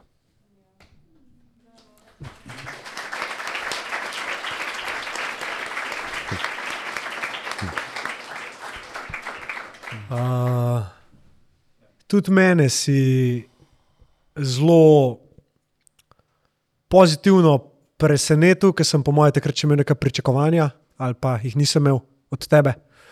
Kako si se v to vlogo podal in koliko si ti zaradi te nove vloge na sebi naredil. In to je točno to, kar si v bistvu ti. Veš. In kar sem pri tebi tudi občudoval, je tvoj odnos do, oziroma eliminacija prokrastinacije. Torej, narediš, zavedaš se, da je delo tisto, ki ti bo nekaj dala. Ne? ne razmišljanje, pa govorjenje, pa branje. Ampak mislim, da si zato tako čudovit oče, ker si dovoliš takoj dati to v prakso in si zaupata. Ne? Da, da je dovolj, da ti verjameš. Veliko nas išče, pri katerih koli večjih odločitvah, dovoljenje od prijateljev, od staršev, od punce, fanta, žene, da je naša ideja dosti dobra. ne. No, to je ena zelo lepa oblika prokrastinacije. Tako da, ko te naslednjič, ki se boste hoteli nekaj spustiti, začeli sprašovati folk, kako se ti pa to zdi, se zbudite. Ker že to, da ste na to pomislili, je dosti dobro, da realizirate. Pa pa rata, ne rata, je bi ga stari. Obe smeri sta proti resnici, obe smeri sta movement. Dokler pa ti sprašuješ, govoriš, hej, tur, kako se ti pa to zdi, da ti naslednji mesec še enkrat pokazal, um, javiš, ne vem, če je še to dobro. Eni od temu rekli perfekcionizem, jaz temu rečem prokrastinacija. Strah. V bistvu strah pred Ja. čim. Strah pred whatever, strah. Pač strah te omeji, strah te zapre, strah ti ne da možnosti iti naprej. In tako kot prej tiste roke, to je inercija, pogum, skočiš, greš mimo tega in greš v delo, v aktivnost, v karkoli. Tako da ti si bi rekel, no, če sem že tebe, ne, bi še tebe. Jure, tako po moje. Ja, bi rekel. Ne vem, ne vem, če poznam človeka, ki je bolj uh, fear eater, kar se tiče, upismo ta angliščina, zdaj sem se še jaz nalezel. Fear eater. Um, on je strah, dobesedno, je kot ne da je. Um, res, pač Jure, ker se odloči del. On v bistvu, že, ko razmišlja, že dela na tem. on sploh do konca ne pomisli, on že dela vmes. In potem sproti, in to je ful, ful dobro. To je, to je v bistvu tista stvar, ki ti največ rasti da. Tako da um, se popolnoma strinjam s tem, kar si povedal. En strah bi izpostavil. Na zadnje, ki smo se pogovarjali na podkastu, sem rekel, strah pred neuspehom. Ne? Kaj pa strah pred, um, kako bi ga poimenoval? Pred izgubo kontrole. A veš, kjer ga mislim? Ja. Torej, mene je doskrat strah, da. to se zdaj čudno sliši. Da se bom zbudil v neki drugi dimenziji in bom izgubil to, kar manj kle. Ne vem, se bo kdo s tem povezal ali ne. Um, ampak, bolj ko dozorevam, se zavedam, da me je strah sam misli, da pač, če spustim kontrolo nad tem, kjer kontrole nimam, bo moj life lepši. Tega ne bo, ampak še zmeri, kaj povzroča meni misel, katere me je strah in zakaj me je te misli strah. A bi lahko mogoče to skozi svoj. Mm, zdaj, odvisno, kakšni dimenziji govoriš. Um, dimenzije je tako skozi menjamo. Ne? Če se tako pogledaš, kako te življenje si spremenil svojo dim- dimenzijo. To. Ne? Bil si tak, tak, tak, tak, tak brr, življenje teče, konstantna je, konstantna je sprememba. Vedno bo nova dimenzija, vedno bo nekaj drugače. Ta trenutek, ko smo se usedla gor, pa zdaj smo druga. Torej, konstantno je zguba kontrole, sprememba. To je najbolj naravna stvar, možna. Um, strah pa pride samo, ker želi ostati nekaj večno, nekaj znano, nekaj, da, da, da ne more zginiti. Vsi bomo umrli, to telo bo padlo, dejstvo. Um, vsi ljudje, ki jih imate radi, bodo šli, dejstvo. Ni kruto, to je resnica. In prej to sprejmemo, v trenutku smo prisotni, tu si ful, ta, ta pogovor z očetom, ki ste imeli skozi podcaste. To je, to je v bistvu to, prisotnost v trenutku, tudi če je neprijetno.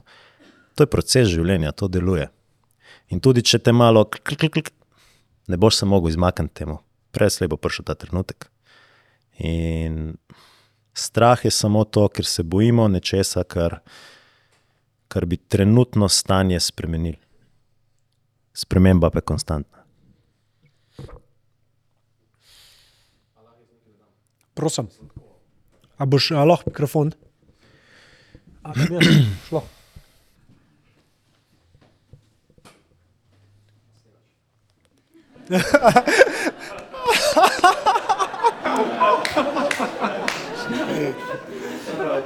To je zaradi To je zaradi tebe, Lahi, da Hvala kontent.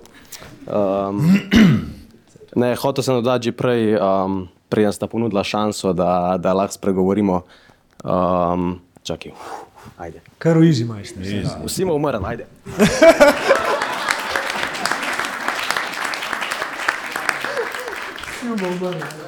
Ne, hotel sem dodati, um, jaz sem bil pri Lahiju um, na prvem workshopu deleženc in sva že vse predelala, res pač vem, vse, kar smo imela, prišla sva do mira, prišla sva do pač aljaš, najti sebe, najti to, ne vem, preber to knjigo, lej, kam to hitiš, take stvari.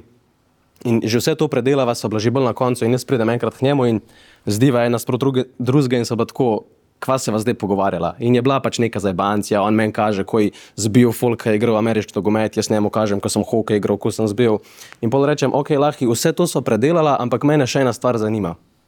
Ker verjamem, da pač si v podobni situaciji, ne tako sem rekel, pač vsa ta osebna rast, vse te knjige, vse to, kar bereš, kako, kako tvoja žena, to, kako tvoj partner, kako ni ona tako, wow, da je kva si ti spremenil, a lahko še jaz to, ali pač a poveš še mene, ne, ker jaz sem full, us, pač jaz na sebi full, rad preživljam čas sam s sabo, pač mir, meditiram, vse to sem prišel do tega in sem bil tako, kako ona mene, kako, moja punca, ne, kako ona mene zdaj ne vidi, koliko sem jaz srečen, koliko jaz žarim, koliko vse to.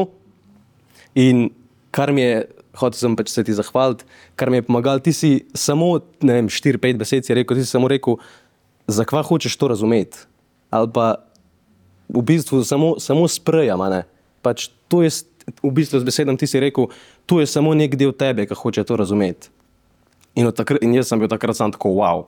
In sem hotel reči, da od takrat naprej se je nekaj zgodilo, da na čisto vsa, tudi prijateljska razmerja, tudi starši, tudi s punco, tudi vse tako gledam, čist drugače, čist bolj tako, ok, a ne, pač sam tako je. Ni, pač ni mi treba razumeti, razumeš, pač ni mi, kje bom zdaj svoj ego noter, da jo pa zakva, zakva ti teh knjig ne bereš, pa zakva jaz podcaste poslušam, ti pa tega ne. Mm -hmm.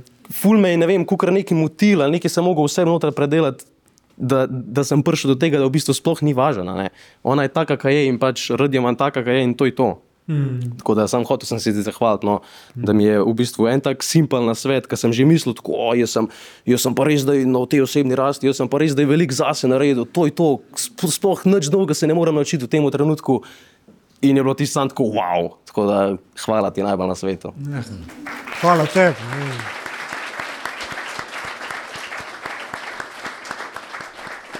Um, Da. Da. hvala. Um, Zadnji se mi zdi. Ja, dej tam le mikrofon, jaz pa te caj sam tebi bi rad nekaj rekel. um, ti si šel čez zelo zanimiv proces, klejane. Ker um, to tvoje navdušenje, pa tudi od brata, je fulno nalezljivo. In jaz sem velikrat bil skoraj pred tem, da se tega navdušenja nalezem in sem jaz tudi cel nahajpan. In pa sem si rekel, hm, kakšno vlogo zdaj jaz klej igram. te situacije tudi meni dajo veliko um, več, kot ti misliš, vidva mislite, ali pa če še kakšen udeležen tkle. Ker me dejansko postavijo v neko vlogo nekoga, ki mora biti zdaj brihten, pa nekaj povedati, pa nekaj nasvedati. Jaz pa tega nočem. In, in vi, zaradi tega, ker ste vi dobili to, kar si ti zdaj povedal, to je bil moj piškotek, moj kukidžar. To je bila moja potrditev, da lahko delam samo tako, da vas poslušam, pa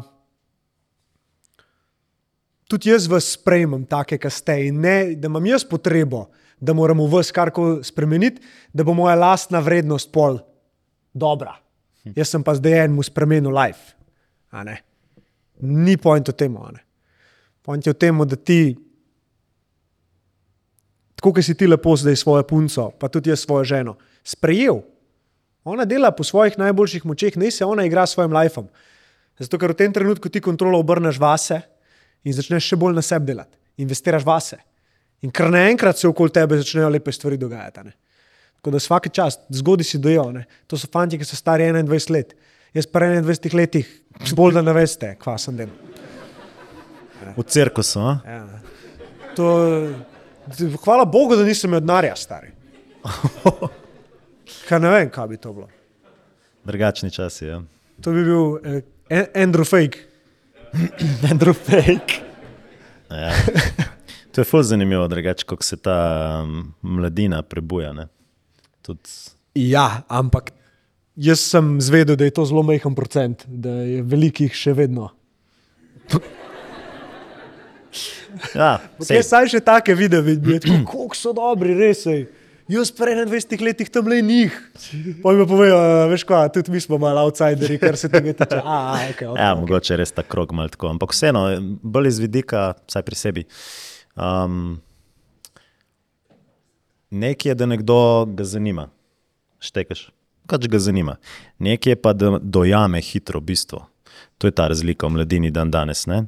Mm, načeloma, kdorkoli pride mlad, vsaj iz mojih izkušenj, kar ne izi, kar ne izi. Počakal? Kar govor, kar. Ja.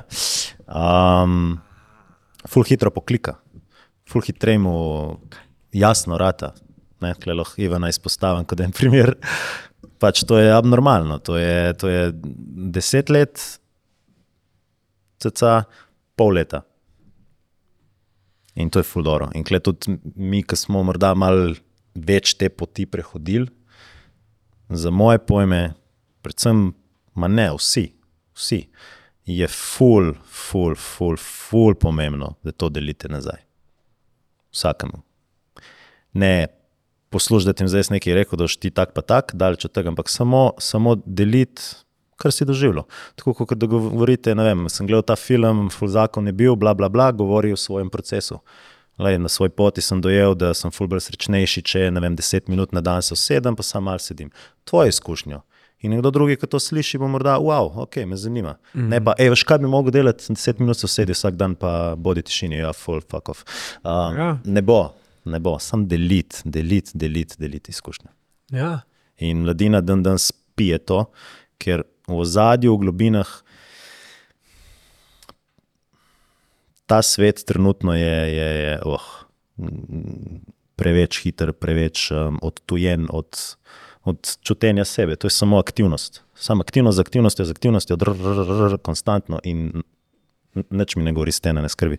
Um, In je ful lepo, da, da ko ti deliš nekaj, da se človek malo ustavi. In se malo zamisli, in se malo začuti. In tam več ali manj vsak, ki to malo doživi, se mu odpre neko zanimanje znotraj. In je ful lepo, da tisti, ki hodite po tej poti, da malo delite. Da ko prijeste v neko družbo, tudi če ste, kako se reče, outsideri, tudi če ste outsideri, ne se bat. Lih, mm. lih včeraj sem enega iz, iz Ptuja mi pride, lep človek, res ono duša, dojemljiv, vse. Je rekel, tam gor ni nič tega, tam sam pijejo, pa otapljajo, ni nobenih teh debat. In sem rekel, kaj pa ti delaš? Je kaj neč, sedim zdraven. Držim prostor. Držim prostor. Sem rekel, ok, zakaj pa, zakaj pa ne poskušaš tega, ker, ker ja, saj sem proval, pa to, pa uno, pa tretje. Kako si pa proval? Ja, rekel sem jim, fanti, veš, kaj bi vi mogli? V mrzlo vodo, mogli bi športati, mogli bi to. Ok, in kaj so rekli? Ja, ne. Hitro so ga odstranili. Ok. In moja izkušnja, evo, veš, in klej lahko iz svoje izkušnje govorim. Nisem rekel, le zdaj tako naredi, ampak sem rekel, le iz moje izkušnje, jaz sem bil isti. Jaz sem tudi imel prijatelje, ki smo bili.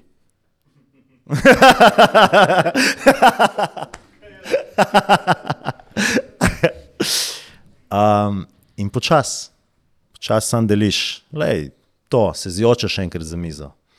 Predlagaš nekaj, ne vem, ej, kaj če bi vem, to flaško vzel, pa si damo eno vprašanje, pa tisti, ki drži flaško, samo odgovori, ostali pa poskušamo sam poslušati. Brez da si skačemo v besedo, brez da imamo tako neko svoje mnenje, pa bi jaz zdaj nekaj klep povedal, ampak temu poskušati za foro. Prijemaš flaško in rečeš, ne vem, če se te v življenju strah. In najslabše, kar lahko narediš, nadej pove. Ne, jaz sem odprl krog, jaz bom prevzel odgovornost za to vprašanje. Bom jaz prvi odgovoril. In drugim pol pokažeš. In ko oni to vidijo, ok, in pol bo šlo lepo naprej.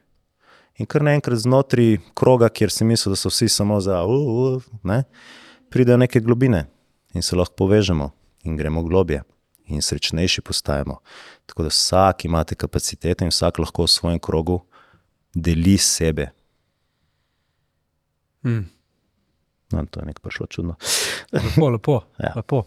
Gremo na vprašanje.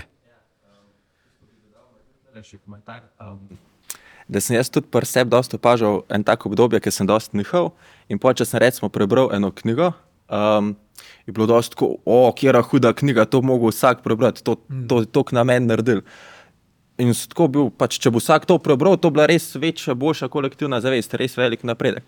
Ampak pos pa malo za njihov je bilo, recimo, full fokusa na drugih stvareh, spočel en mesec druge stvari in so gotovo, da vse, kar si iz knjige se naučil, nič več tega ne delaš. Ne? In sem sam pri sebi videl, koliko imaš tega nihanja že osebnostno, koliko se morbiti en obdobje nečesa držiš, en obdobje, če spadeš ven. Ne?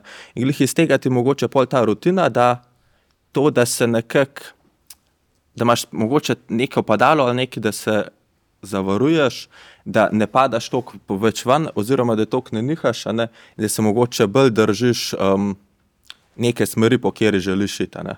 Ampak tukaj bi se pa pol navezal na vprašanje, v bistvu, kako pa razlikovati med um, v bistvu pričakovanji, ki so bile nekako uprogramirane v nas, kot iz družbe, iz okolice, in mi mislimo, da v bistvu to mi hočemo, in kako zdaj razdaljevati, kaj dejansko mi smo in kaj naša duša hoče, kaj je pa v bistvu iz okolice, ki je ugradila v nas. In nekako mi hočemo samo ugoditi družbi, da bi to počeli, ker smo se pač počutili ugodno oziroma varno, kadar smo to počeli. ne. Wow. A gremo jaz prvo. Izvoli. Stari, ne vem, a, včeraj sem točno o tem razmišljal. In sem objavil tudi na story. In point je bil v tem, da ko si rekel, kaj duša hoče. Ne? Duša nič ne noče. Um, in če znaš ti razlikovati, kaj hočeš, pa kaj potrebuješ, če se to naučiš razlikovati, pol boš videl, kaj ti je programiran, ker programiran ti je tisto, kar hočeš. Ti pa točno veš, kaj potrebuješ, da si dovolj. Najdete zdaj razliko med tem, je to, kar ti sprašuješ. In ni blueprinta, ker vsak nekaj drugega potrebuje. Ker vsak mu je bilo nečesa, po moje, več v lifeu odzedga in to pol rab nazaj dobiti, da se bo počutil recimo varno. Ne? Nekdo se je pa cel življenje počutil varnega in tega ne rab, ker že ima. Medtem, če pa gledamo, hočem, hočem, hočem, hočem, to je pa ego, ki je pa zelo povezan z danes sploh, s tem, kar smo bombardirani na social mediji, pa kako bi tvoj life mogel izgledati. Um, in to sem se tudi jaz vprašal za ta event. Um, kaj hočem? Tako je bilo to prvo vprašanje. Še tam na unboard, ki smo ga z Darijo delali, je pisal gor. Kaj hočemo od eventa? Ne? In pa si je od spodaj pisal. Um, vrhunski feedback, um, da bo polno, da ne hočemo, hočemo, hočemo. In pa se še enkrat vprašal, kaj pa jaz potrebujem od tega eventa. Ne? Je bil pa veliko bolj skromen odgovor. Ne? Zato, je bil povezan s tem, kar jaz lahko dam. In mogoče se vpraši, kaj ti rabiš za to, da lahko daš to, kar si, daš to, kar si želiš dati. Po mojem, je en tak, tak šortkat, bližnjica. Ker pri meni je bilo to, jaz rabim, da Turk pride, jaz rabim, da je ekipa spremna, da zrihta to, kar je treba zrihtati. Jaz rabim poskrbeti, da bo folk vedel, kje kupiti karte. To je to. Kaj jaz hočem, da je polno. Pa nisem tega hotel, pa je polno. Samo po sebi se je zgodil. Um, se ne vem, kako sem že zdaj del časa, boš še ti malo skočil. Ne, čez kul. Cool. Um, Ja. A sem ti približen zadev, tisti, ki si ti strune? Ne? Ja, a sem šel. Uh, ful, okay. uh, kako ti je ime? Marko. Um, ful, dobro vprašanje. Ful, globoko. Um, viš, če imaš tako kapaciteto, takšno vprašanje uh, postaviti, pomeni, da imaš ogromno kapaciteto znotraj sebe, introspektive.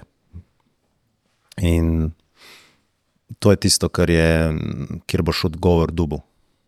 Da to vprašanje sebi postaviš, ne nam.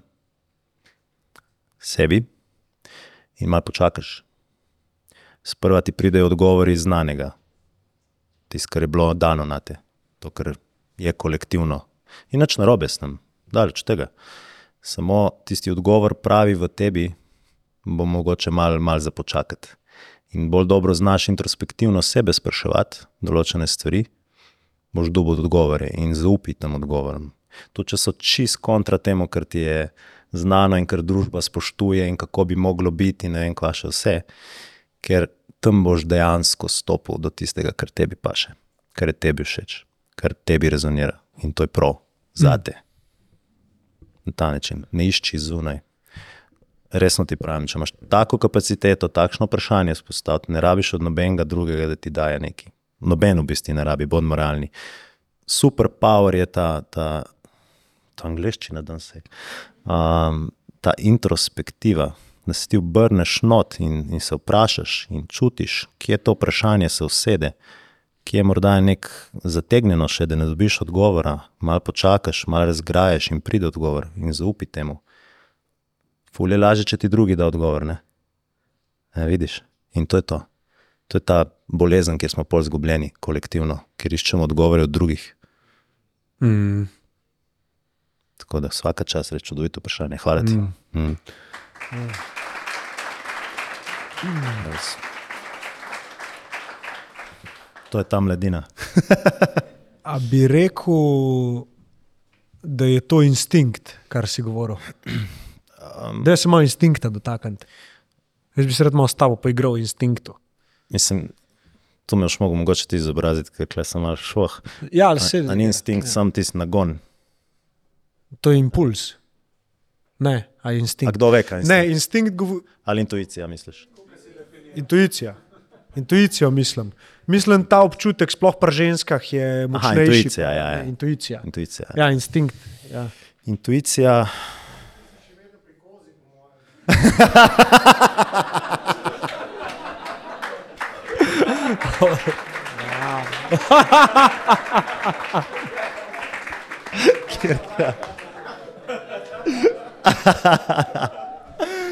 Oh, shit. Bravo. Ja. To mi je, to, veš to? Je karma. Oh, ne, ne, ne, to je. Nek je un prisiljen humor, ker nekdo res hoče biti smešen, pa se silja. Ne. Nek je pa ta božanski trenutek, Ja. ki sam točen, res v popolnem trenutku. Tako, da, ej, top, vrsen. Bravo, Top. Griša. Uh, intuicija. Ja, intuicija, deva se dotakniti.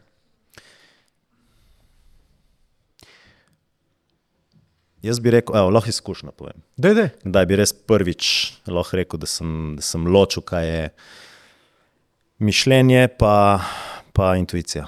Ne? Bili smo v Bovcu in sem dobil za darilo slušalke. Lep- Jaz imam poleti rojstni dan in dobim jaz te slušalke in gledam, in um, eh, ne rabiš ti slušalk, se jih imaš doma, kaj ti bo to brez veze. Okay. In pride en tam malo do mene. In me pocuka in tako pogledam, in on meni, wow, kako hude slušalke, to, wow. In sam ta glasek, dajmo slušalke. Sam pride, dajmo te slušalke. In pol se usede nekaj zdraven tega, noš ti njemu da te slušalke tu. To to je zate, stari, to je bilo tvoje darilo. Ne? Ja, ja, lepe so, lepe, ja.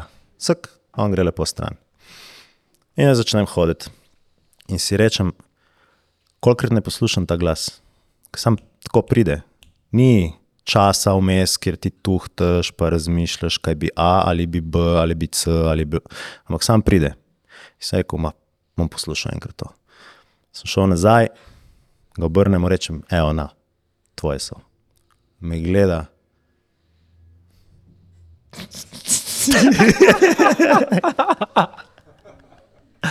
Me objame, se mi tok zahvali. Ma milijardo slušalk bi lahko dobil, ne odtehta. Pride še mama njegova, še ona, o moj bog, gospodi, oj, a ste prepričani, jo, hvala, hvala. Ma ja, seveda se objamemo, nezna, neznanci. Čudovit trenutek, ker sem poslušal to intuicijo. Hodim naprej, grem dol po stopnicah in pol te zadane naslednja plast intuicije, ker preprosto neki znotraj tebe ti sam reče, komu si dal te slušalke? Te vpraša. Jaz tako ujamem to in ti naslednji odgovor pride in to je tisto, kar sem ti prej govoril, ker ni racionalno, ker v tebi to. Se. Sebi. Sebi si to dal. In tam odpre naslednjo plast, tu pa je lahko neka travma v zadju, kjer se razgraji skozi ljubezen, kjer sem videl sebe, otroka in mamo, samo hranilko, ko nisva imela. In če to dobiš, je magično. In to je to. In dovolite si poslušati ta glasek, ki je zelo kratek, tih na začetku, bolj ga poslušate, glasnejši rata. In ker naenkrat ne rabi več ta drugi, v strahu, premišljati, pa analizirati, pa se bati življenja. Ampak zaupate. A ga sploh lahko slišiš, dokler ne, nekako ne poznaš svoje resnice? Resnice iz vidika, da čutiš, kaj je prav. V tvojem primeru je to ta ljubezen. Ne? Uh -huh, uh -huh, uh -huh. Se pravi, tvoje delo, delovanje je iz ljubezni, ti se odločaš, ko nekaj narediš. Um, Mm, zato bi mogel iti malo nazaj, ker zdaj res imam film, da se nič ne odločam, iskreno. to sam teče pač in, in sam no, greš. Vse to, ne? Če grem tok nazaj, ja, je bila pa ta bitka, ne, se je tudi v tej zgodbi, ko sem povedal, je še zmeraj bil ta ta drugi zdraven, ki ima svoje mnenje. In bi sam rekel, da je ta pot, ja, da, da, da, da res to resnico znotraj sebe prebuješ maksimalno. In potem ta glasek tudi glasnejši ratuje. Vedno je tam, ampak zaradi šundra in aktivnosti življenja in norenja, ki ga imamo dan danes, ga sploh on ti skozi govori, sam ne slišiš. Zaradi tega, če res potegnem nazaj, ker sva prej govorila, tistih deset minut tišine, pa samo biti, da vsa ta šunder v misli, mm. kaj bom jutri, kaj bom včeraj, kaj je bilo, to me je strah, uno me je strah, da samo pustiš, pustiš, pustiš, da ko to enkrat malo, lahko ta glasek pride ven. To je recimo tudi ta spomin tvoj za buljane. Zakaj tako malo ljudi upa biti sam s sabo? Težko je, ker smo od začetka v odnosu. Ti si že kle v odnosu z nekom. Potem imaš konstantno družino, imaš prijatelje, imaš to. Zelo redko si sam, sam. In tako smo vajeni nekih eh, interakcij in pogovorov in vsega, da ko se daš sam s sabo, je težko biti, zato ker nisi vajen biti v odnosu s sabo, vajen si biti v odnosu z drugimi. In doskrat, ko spoznaš sebe, na začetku ni prijetno, ker dobro veš, da si bežal od sebe dolgo časa. Mm. In biti pogumen spet nazaj je tista prva sila in energija, ki ti omogoči, da, da greš čez to. Da se nazaj spoznaš, in delčki morda ti ne bojo všeč, in delčki bojo čudoviti. In, in lej, kot da bi novega človeka spoznal, kot da spoznaš nekoga na ulici. Na ta način. In ja, lahko je malo težko na začetku. Um, Bežanje, a ne? Iz tega vidika gledam. Tudi iz sebe. Bežanje v.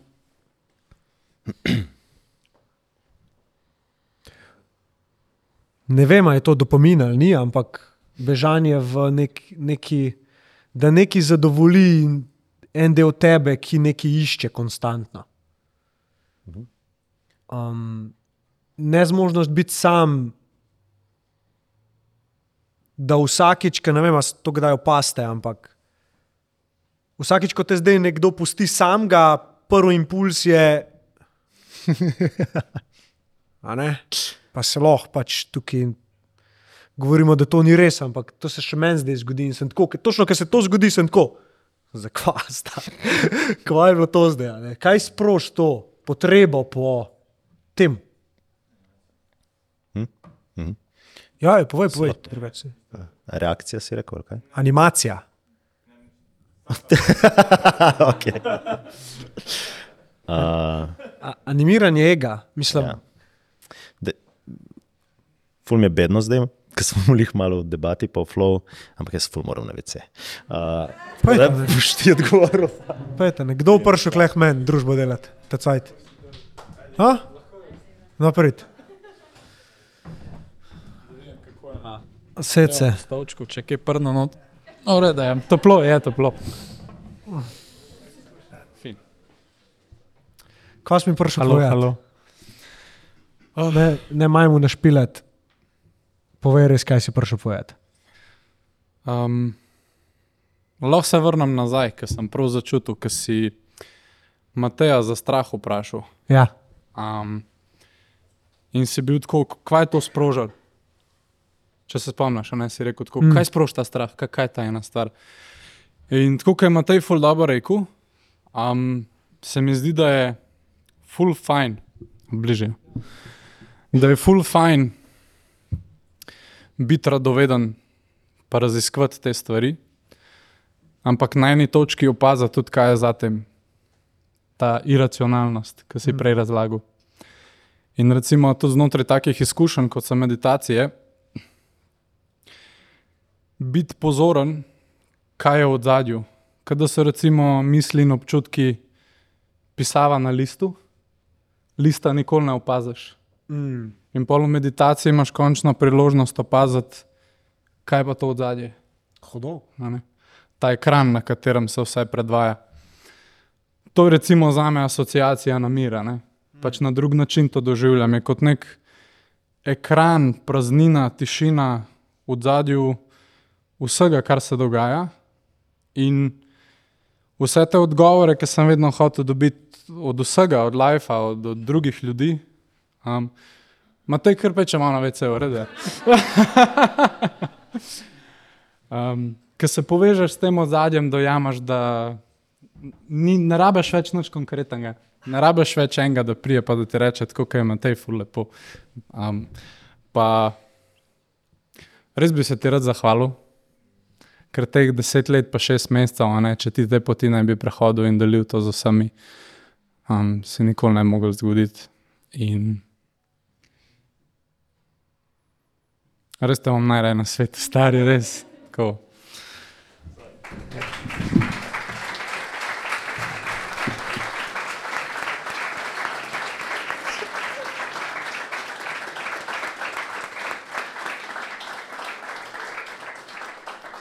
Ok, fanti, ne predelč. Ne. Še to bom povedal. Lahko si.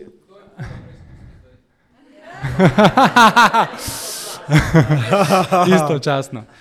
Um, za marsikaj smo si lahko hvaležni v življenju, ampak ena stvar, ki ne opazimo, je uh, nekdo, ki nam je pomagal doseči večjo svobodo znotraj nas.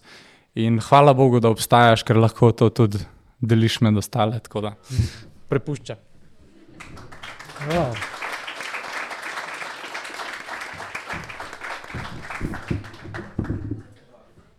Počas, počas, Matej, počas, prosim, prosim, easy. Test, test. Okej. Dela. A imamo še kakšno rokco, mogoče zdaj v tem času, zih je kakšno vprašanje še pršlo, pa bi se kdo priključil debati. Ne, če se bo, a, evo, imamo ena, dva, kje gremo prej, ladies first.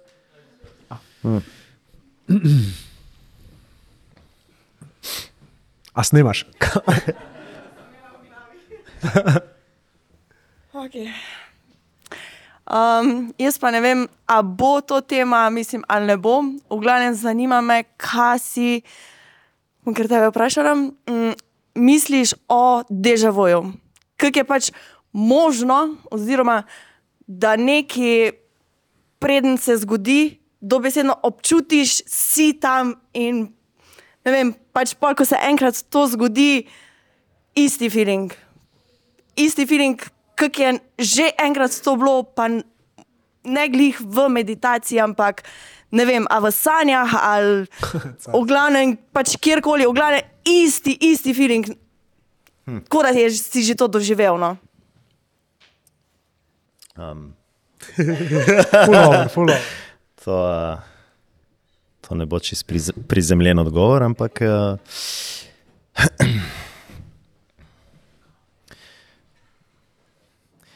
po mojem ti bo ful. Um, bom dejansko knjigo mal priporočil za začetek. Um, učbenik življenja, Martin Kojc, kjer um, govori o tem, kako je že vse narejeno, kako je že vse predeterminirano. Mi imamo občutek svobodne volje, da sami hodimo, da se vse dogaja, občutek izbire. Ampak iza tega je v bistvu že vse narejeno. In kdo je to naredil? Kdo? Ti. Mi, kot eno. Mi, kot eno. In v nekih trenutkih se zgodi glič, da jim tako reči, in stopiš nazaj od tega, kar je naredil. Morda za mikrostotinko. In ti je jasno, da je že. Um, potem pa priješ nazaj v iluzijo dualnosti in doživiš to. Tako da jaz, jaz si tako razlagam, da je že bo. Um, lepa stvar, drugače. Ja.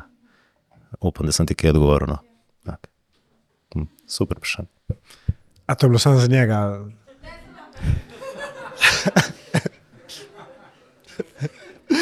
ne, hvala, hvala. Meni se tudi dogaja. Zato je bilo zanimivo, da ste to vprašali. In to kar hudi kdaj. Tako 10 sekund se vleče. Oh. Je se tako udo. Čak, čak, čak, čak. Šit, pa je zdaj to. a da Prav vem, kva boš rekel, mislim, vem. Ampak se mi ful zdi, da se v glavi dogaja. Tako ni, ni da čutim. Ti si rekla, da čutiš.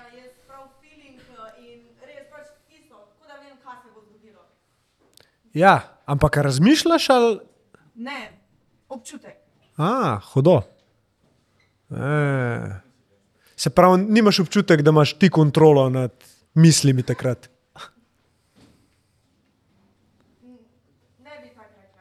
Okay. Zanimivo. če A boš- še kdo deževuje Sam, doživlja? če bo slučajno kdaj imel, Ja. ja. slučajno. A bi kdo pošeril izkušnjo? No, ja, ja, ne, nič ta Sorry, sorry, sorry. Ne, sploh ni panike. Sam tako sem hotel reči, če slučajno kdaj imela, da je živo, kjer bom jaz not. Ker zadanem sedmico, da mi pove. No.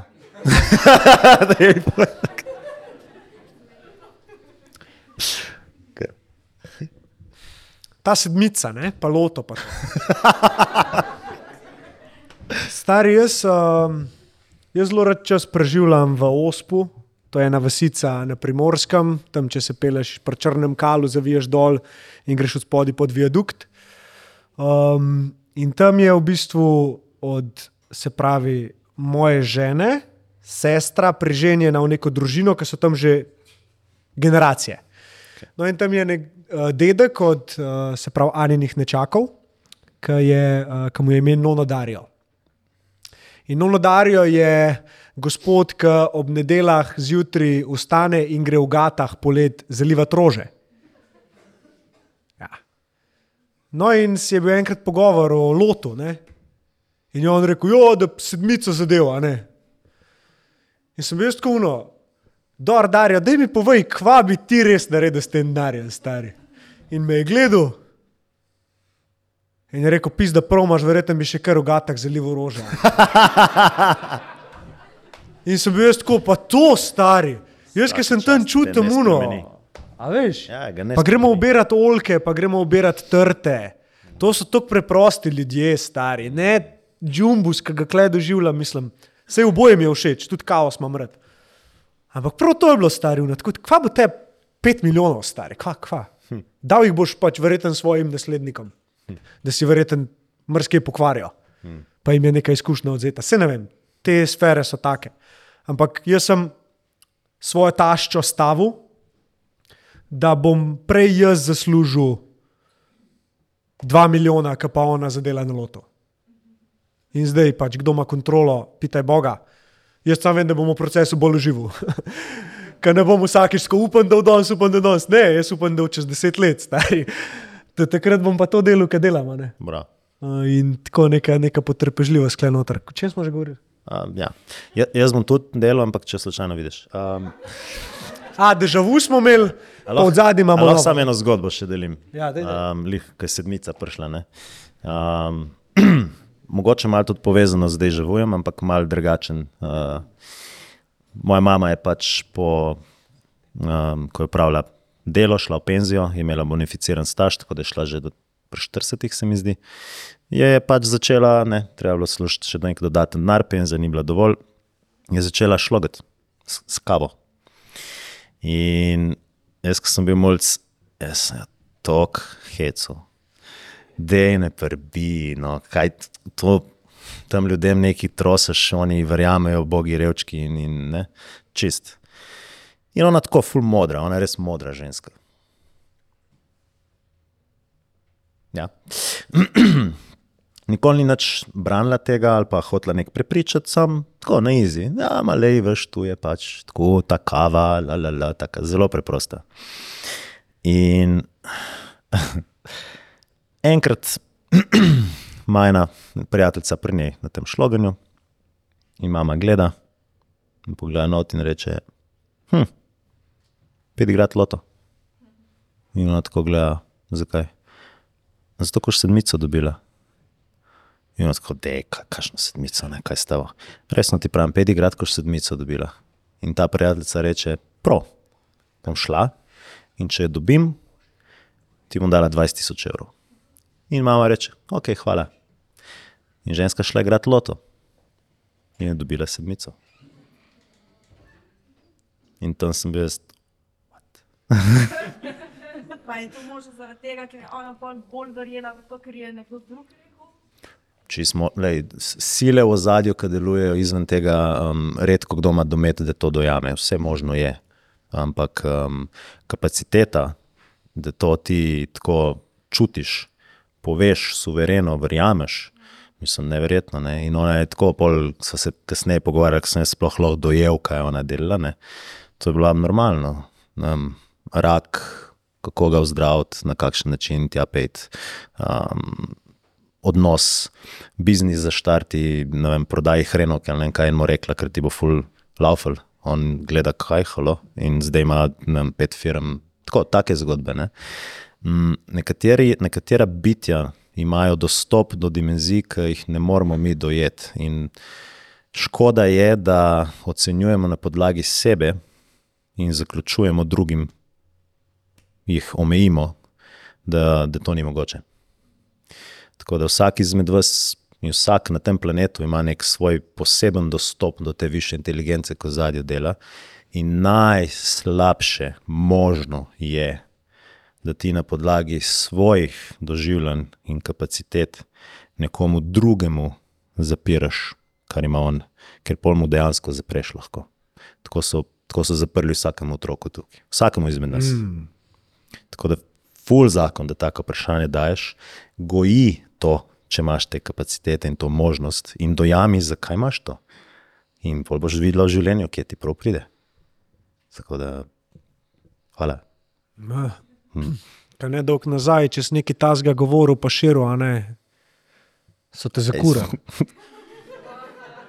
Jaz smo, Ja, smo še malo pekli. Danes se temu mogoče smejimo, sam. To, ta, tako svobodo, ki jo imamo danes, da lahko govorimo to, kar mislimo, to ni samo umevno. Lahko se večkrat spomnimo, da živimo v takem svetu, kjer dejansko si probleme ustvarjamo čist sami. Ka, a ne unrek, ki je uh, lačen, lačen človek ima en problem, um, sit človek jih ima sto. In mi smo zelo siti zdaj, kar se tiče tega, kar nam je omogočen. Ja. Tako da ja. Po drugi strani pa ful dobro, ne? ker če ne bi bili toksiti, ne bi mogli to delati, ne? ker je čas za to. Materijo smo dovolj dobro si naredili, imamo dovolj obilja in vsega, in počasi je čas nazaj v to duhovno plat hoditi, da se to ravnovesje vzpostavi. Ker če bomo tako nadaljevali, bo zmanjkalo vsega. Tako da vsak, ki znotraj sebe ima ta klic, te prosim, hodi v to smer. Res za dobrobit vseh nas. Že. Okay. A lahko ganem tvoje ime? Absolutno probi. Imaš dva poskusa, to je to. Čakaj, da vidim zdaj instinkt, Aj, aj, aj, intuicija. aj, aj. Uh, Nek na G, nek na G. neki na G. To sem jaz rekel, se zelo svoj. Ne se, drugač vem, kdo si. Luka, izvoli. Yes, sir. Ej, Ja. hvala ti. V glavnem, prvo stvar sem zelo full nervous, stari. Tako da vsak, ki ima kakšen question, prosim, prasiti. Slovensk, slovensk, slovensk. Okay, bomo, Počas. še- bomo začeli še enkrat. Zadihi človek. Isto smo. Dejno. Thanks, stari. V glavnem, rad bi se va- vama najprej zahvalil, da delate ta event, celotni ekipi. Jaz sem prvič na takem eventu in to, da delate tako kvol, je pač wonderful. Sorry, angliščina, veš, da moram, 23 sem star, tako da to, to je del nas starih. tako da hvala vama. Zdaj pa vprašanje. Mm, ko sem jaz prebral knjigo The Power of Now, malo se povezuje z vprašanjem, ki ga je Marko, se mi zdi, vprašal. Mm, tole. Ekar tole. ja. Takrat se mi je zdelo, da sem v bistvu živel v čist nekem drugačnemu, neki drugačni dimenziji, v bistvu, ki je bila polna ljubezni, pa polna miru. In to mi je bilo pač tako res. Nisem mogel verjeti, da se dejansko da tako živeti. Fast forward ene dva meseca je bilo to čist, čist nekaj, kar sploh nisem mogel dostopati v bistvu do tega. In zdaj imam v bistvu vsak dan, kot nek struggle, To get back, okay? da priješ nazaj. da pridem nazaj. V bistvu imam feeling, da vsak jutro začnemo od začetka in čez dan je v bistvu battle sam s sabo, proti večeru se pa v bistvu nekako spomnim vse te resnice, ki jo imam že vse, ampak zvečer je prepozno. Kje v bistvu pač imam 10 tisoč idej, ko mi zaspim, ampak se zjutraj zbudim in je spet isto stari. Hmm. Kako zdaj v bistvu dostopati do te resnice, ki jo imam že vse, kako se spomnim tako izjutraj, ker vem, da bom lahko imel večji, večji impact, če bom v bistvu izhajal iz tega headspacea. Upam, da je bilo to logično. Ja, zelo logično. Hvala ti. A ti kul čest. Ja? Torej, evo, zdaj bom pokazal, kaj je intuicija. Ne? Ker ko si to govoril, je meni samo ena stvar prišla. In to je, da bo ti Ivan to odgovoril, ker je on, ima dosti dobro izkušnjo s tem.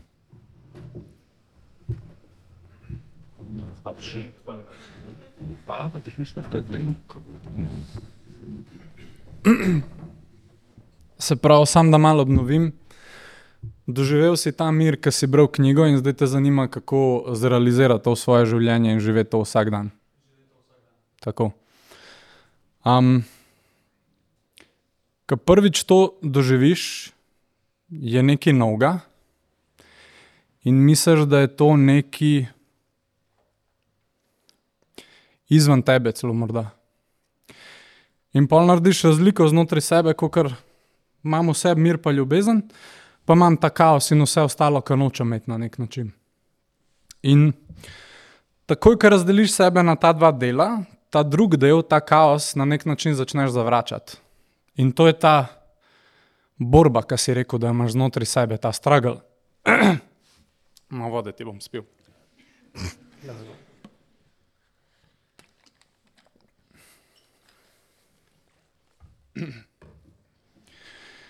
In to pomeni, da si naredil ta prvi korak. Drugi korak je pa dojet, da in ta mir in ljubezen, in ta kaos, ki ga jaz trenutno čutim, trese mi telo v živčnost, da je to v bistvu vse zapakirano v eno stvar. In da moraš bolj obrniti pozornost not vase od tega, kar dela razliko med tema dvema. In dojet, da ni razlike. In na ta način v bistvu sprejmaš absolutno vse, kar pride. In ti zjutraj dan začneš s tem, kar je. Ker ti ne moreš kontrolirati, zbudil se bom in bo lepo. Ne.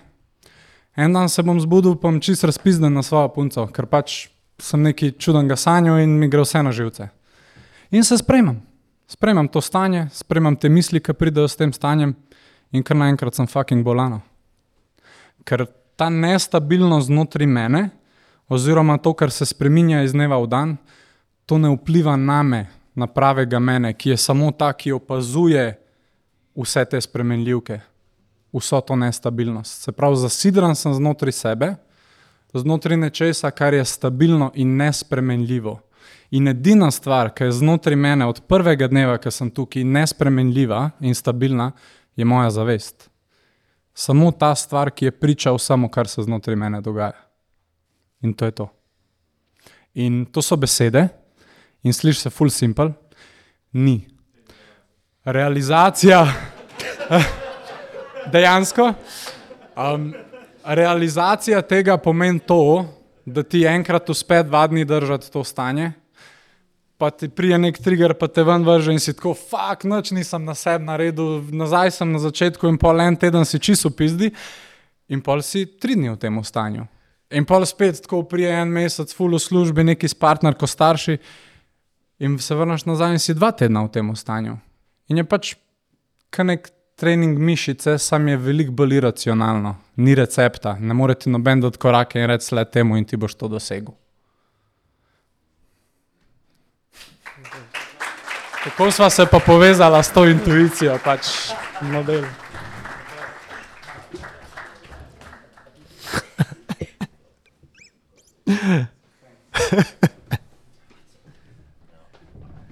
Um, da je v izi, stari. No. Zdaj pa že ej, enkrat ne rečem, stari, dvakrat ne rečem, tretjič, dajmo.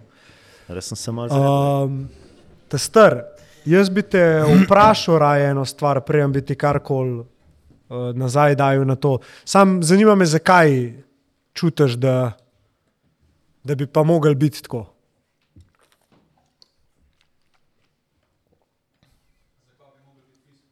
To, kar si vprašal, ne? To, kar si rekel, da bi rad tu občutek, ki si ga takrat imel, da bi bil tvoj dan tak. Zakaj? Kaj, kaj je bil občutek od zadaj, ki si ga čutil? Kaj bi se rad k njemu vrnil? da lahko v bistvu pač ima boljši din back v bistvu. Vsak, vsak pogovor, ki ga imam, pač lahko doda pač neko vrednost v bistvu, izboljša life druge osebe, ker pa če nisem na tem stej. Ker pa izhajam, Kjer mu staj to stari? ljubim, ne vem, ne sem jaz, ne sem, sam ne sem. Sam ki do tega veš, ker pa v bistvu dajem odgovore ven iz glave na mesto in sebe. Hm. In mi fulno všeč to. Mhm. Ker pa glih tvoj, kad si prej rekel, kad defendam nekim in sebe, kad si prej to je. Mhm. Kar odgovor si do konca.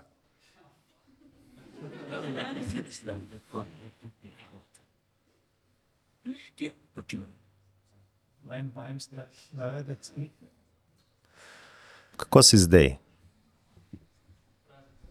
Ka? Ja. Kako si? V trenutku. Bom počakal.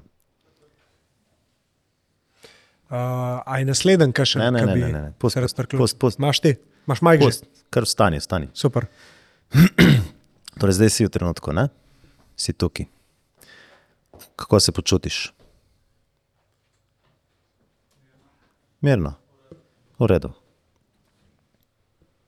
Kje čutiš ta mir? V prsih. Okay. A imaš potencial, da ta mir samo blago, nežno, samo malo po malo širiš po telesu.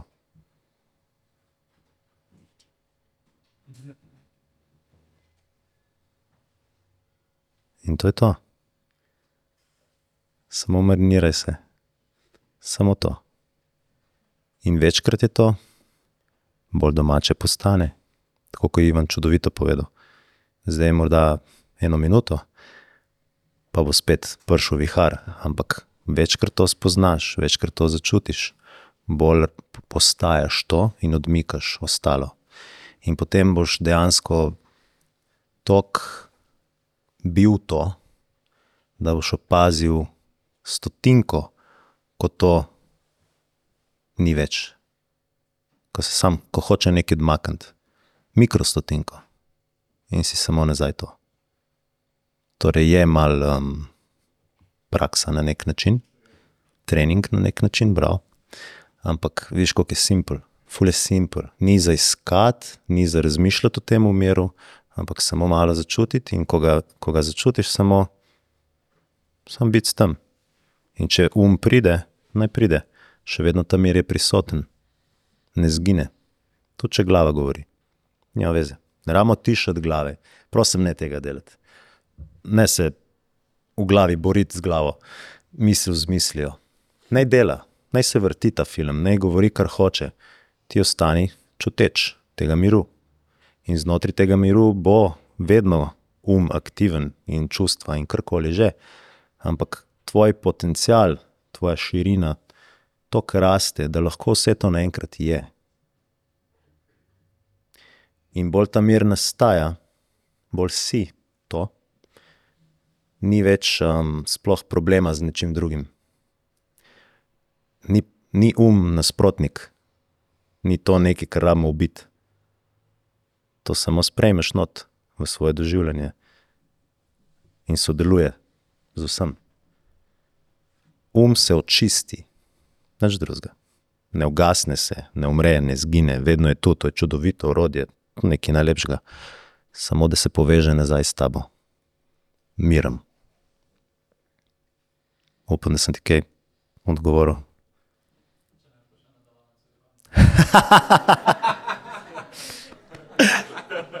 Hodo. Veselim. Deep, deep, deep. Kje smo imeli vprašanje naslednje? Um, v bistvu se malo navezuje na to, um, pa zapisala sem si ga, da me trema ne izda. tako Da, A, a te lahko prosim, samo malo prosim. Pa mal, mal- mal na glas. Ja. Mhm. okay, a vse od začetka. Ja, se to ti nov pomaga, veš? Ja. Okay. Um, v bistvu se malo navezuje na to, um, pa zapisala sem si vprašanje na telefon, zato da me trema ne izda. Um, tako da v bistvu me samo zanima, kako je iz trenutka izgubljenosti. Um, pač delaš na sebi, tukaj govorim tako o letih. Um, odkriješ nekaj in si tako, oja, to sem jaz. Pa si pa tako, kar v bistvu začutiš, da nisi več to, kar da se naveličaš. Um, in potem znova odkriješ nekaj in si tako, ok, ja, ne, to sem, pa pač spet isto. In pa se tako parkrat ta krok odvije, in pa kar izgubiš voljo nadaljevati, pač odkrivati na sebi, delati na sebi, um, kako pač pol ven iz tega. Okay. Lahko začnem, pa boš ti nadaljeval. Daj. Jaz bi samo zelo kratek stavek povedal. Vse te zgodbice, ki si jih zdaj navedla, ne, vidiš, kva si, pa pol nisi več. Tista, ki jih je opazila, da se je sprememba naredila. Ne? ne glede na to, kakšna je ta sprememba bila. U, to pa zdaj nisem več jaz. Tista, ki je spremembo opazila. Ne to, kar si bila, pa to, kar si postala, ampak ta, ki je videla. To, kar zdaj govoriš, tudi. Tako da v bistvu to, kar zdaj delaš, je tisto, kar si ti, ker opazuješ situacijo. Zdaj pa da ti. Mislim, dejansko, dejansko točno to, kar je on povedal. Um, bistveno je dojeti, da ja, to, kar pride in gre, to, kar se spremenja, to nisi. Taka je v ozadju, ko zazna to, ko opazi to, ta si. Ne? S čim se identificiraš? A se identificiraš s tem, kar prihaja in zgine, ali s tem, ki je stabilno v zadnji, tako kot je Ivan čudovito povedal. In biti samo opazovalec, ko pride ta glas, hipotetično, olej, zdaj si se najdla in zdaj si se spet zgubila. Kdo vidi ta glas? Kdo je pred tem glasom? In samo opazuješ ta glas, naj govori naprej, kje v telesu čutiš in biti s tem prisotna. In malo po malo se to razblini, ker ti si vedno prisotna med tem, vsem tem dogajanjem. Nisi tisto, kar pride, pa gre. Mm. Ja, vse sva isto povedala. Mm. Isto. Pa, Aha, Ja. o ja, seveda. Smo pravimo, da je to v bistvu kača, ki levi svojo kožo. a Ne? In mi nismo ne kača, ne koža, ki se levi, ampak po eni strani pa smo tudi kača in tudi ta koža, se, ki se levi.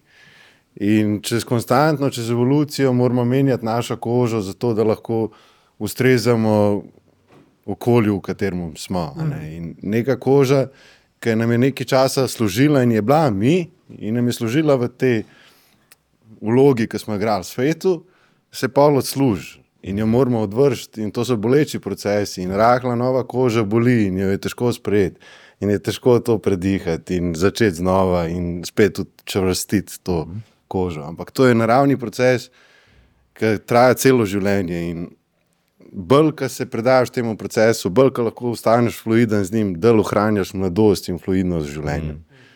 Mm. In to je nek moj dodatek. Hudo, stari. Ja. Bravo. Um, zelo moder človek, drugače. To, da veste. Ali zdaj je sodeloval delavnice naše. In... A, bo pa je. Ja.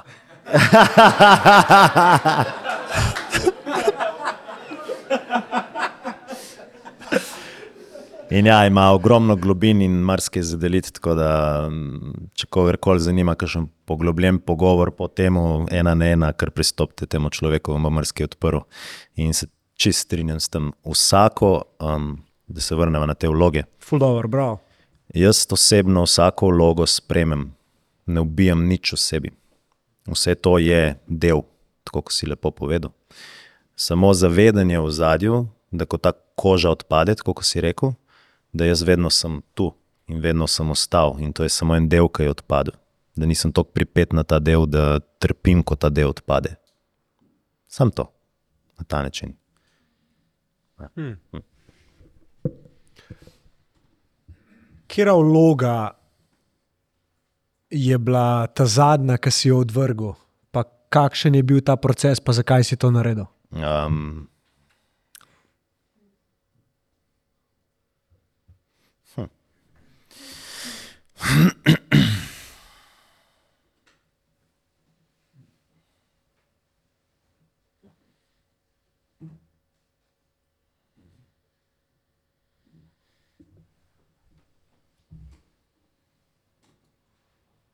Bi rekel, da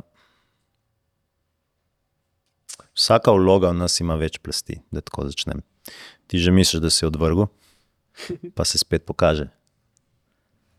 Pa si ponavadi tam um pride z zelo predkano zgodbico, fakt, spet si kle. Nič nisi naredil. Kaj ta delo na sebi, boljši, že tri leta kle neki delaš, pa tam si, kjer si bil. Ni res, samo globje gre. In zavedite se, nikoli ne moreš iti nazaj. Ko pride neko dojemanje, neko videnje, pa tudi če se za en procent to razširi, ne moreš iti nazaj. Torej, v moji izkušnji, recimo, sem zelo močnega rešitelja v sebi, zelo močnega, tistega, ki ugaja, ki ful pomaga, je ful preprijazen. Um, in meni se zdela to naravna stvar. Potem pa opaziš, da na drugi plati, ker vedno je ta dualnost znotraj nas, se ustvarja neka potlačena jeza in agresija. Ker s tem, ki ti druge rešuješ in jim pomagaš preveč, koga pozabiš? Sebe. In kar ti naraven proces znotraj nas naredi, ti naredi nasprotnika izven tebe spet. Si jezen na druge, čeprav je vse v tebi bilo. In ko sem to dojel, ok, da imamo zdaj s to širino, s tem padalom to pogledati, ok, torej moram se navaditi reči ne. Moram biti tako globok znotraj sebe, da lahko pustim človeka, da se spotakne in verjamem, da je to za njega nekaj najboljšega, kar se mu lahko zgodi. Ker tako bom zrastel. To je čist. In meni osebno je, čeprav nimam otroka, mi je tam največja modrost. Zmerno se poskušam dati nazaj v vlogo, nekoga, ki bi otroka vzgajal. Ker vsi smo otroci na nekem nivoju, še vedno. Ne? In če jaz otroka konstantno rešujem, da se mu nič slabega ne zgodi, bo pri 40 premen živel doma še zmeraj. Mm. Ja. Tako da ta vloga, no bi rekel, sorry, ta vloga se tako plast po plast, po plast, po v meni topi zaradi zgodbe v zadju, ker pač ni bilo očeta, od 8. dalje in avtomatsko otrok prevzame vlogo rešitelja mamice in bo on vse naredil. In sebe ne čutiš, ni važno, se reguliraš na podlagi starša. In nič na robe, to ne, hvala Bogu, mama vse je čudovito, samo dojet to. Ne osebno vzeti, ne za mir, ne iskati nasprotnikov, samo dojeti, kje si bil, kako je to delovalo in kje te še vedno morda to drži, da se osvobodiš tega. Tako da pri meni je ta vloga ful močna bila. Mhm. Kako si pa, a si na začetku, peva nazaj v mogoče najstniška leta, ko se je to zgodilo, rekel si od osmega leta naprej, ne? um, brez očeta, praktično. Mhm. Živ je, ni bil pa tam. Um, kako si čez ta proces uh, šel in kaj ti je manjkalo? Um, šel sem v nezavednem stanju, tako kot večina. Ne. Preprosto ni ga bilo, ni panike, se živiš naprej, se greš čez ta proces. Sploh nimaš uh, občutka, da je karkoli manjka. Vsaj v mojem primeru, ne, ker je mama dobesedno obe vloge igrala klegor. Um, pol kasneje začneš opažati, ne. ker um, ful se dobro ujameš z ženskami, štekaš v nulo, vse ni panike na vseh nivojih, z moškimi, eh, mal čudno, vedno tako, tudi weird. no, in jaz ogromno krat skozi, te, skozi delovanje z ljudmi ena na ena, jih, čeprav je malo neprijetno, ampak jih vedno spodbujam, da ko so pripravljeni, seveda, ko oni čutijo, da grejo nazaj do staršev. Tudi če je velika zamera, tudi če je bilo ne vem, kakšne grozote, pet nazaj. To je človek, ki je imel pač svojo pot in, in ni znal boljš. Naredi dovolj na sebi, da si zmožen iti nazaj. Jaz sem rabo, šuh, matematika, um, 24 let, da sem šel nazaj do očeta. Pri 18 sem šel kot mulj, pojma nima, sva si tako počela po vem, dveh mesecih in sem spet šel na razen. Pri 33 se mi zdi, ja, sem šel nazaj z vsem tem dojemanjem, kako je to bilo, kaj se je dogajalo, kaj je to meni sprožilo, itd. In sem imela tako lep pogovor, človek na človeka, duša na dušo, kot si rekel ti za mamo. Ni bilo več dinamike oče sin in žrtev v meni, ki je njim imela očeta in zdaj napadal je s njega, ker je to bilo, ampak je integriran posameznik in na drugi strani posameznik z neko zgodovino, ki so jo imela. In sem imela tako čudovit pogovor, da pač res ta radost in ljubezen v zadju je nastala. Od tistega ne dalje, meni z moškimi, tako. Že prej, daleč od tega, ampak tle je bilo samo še pika ni. Tudi znotraj seanskih počnem z ljudmi, prej je bilo 90% žensk, bi rekel, zdaj je 50-50. Torej, pozdraviti v globine osebo v sebi se vedno začne z vzročnim starši. Če ga nimate, tako ali drugače, ga ni več na tem svetu, je v drugi državi, kaj te znam, kaj izginil, še vedno je nekje v vas energijsko in se da iti nazaj not tudi to razgraditi. Um, Mm. tako da, Ja, in tudi uh, enkrat med najnim sešnom um, je pri meni sekal ven nek ta dvom, ne, to, kar sem tudi prej govoril, joj, zajebu sem, joj, zakaj sem to naredil. ne. Um, in ti si meni enkrat rekel, vmes med sešnom, Jure, če ga je ta dvoma. Ne? In takrat sem jaz prvič dojel, da ta dvom sploh ni moj, ampak da mogoče je kakšno generacijo nazaj že rato. Mm. Ta nesigurnost, pa kako bi temu sploh rekel, strah pred izkušnjo. Mhm.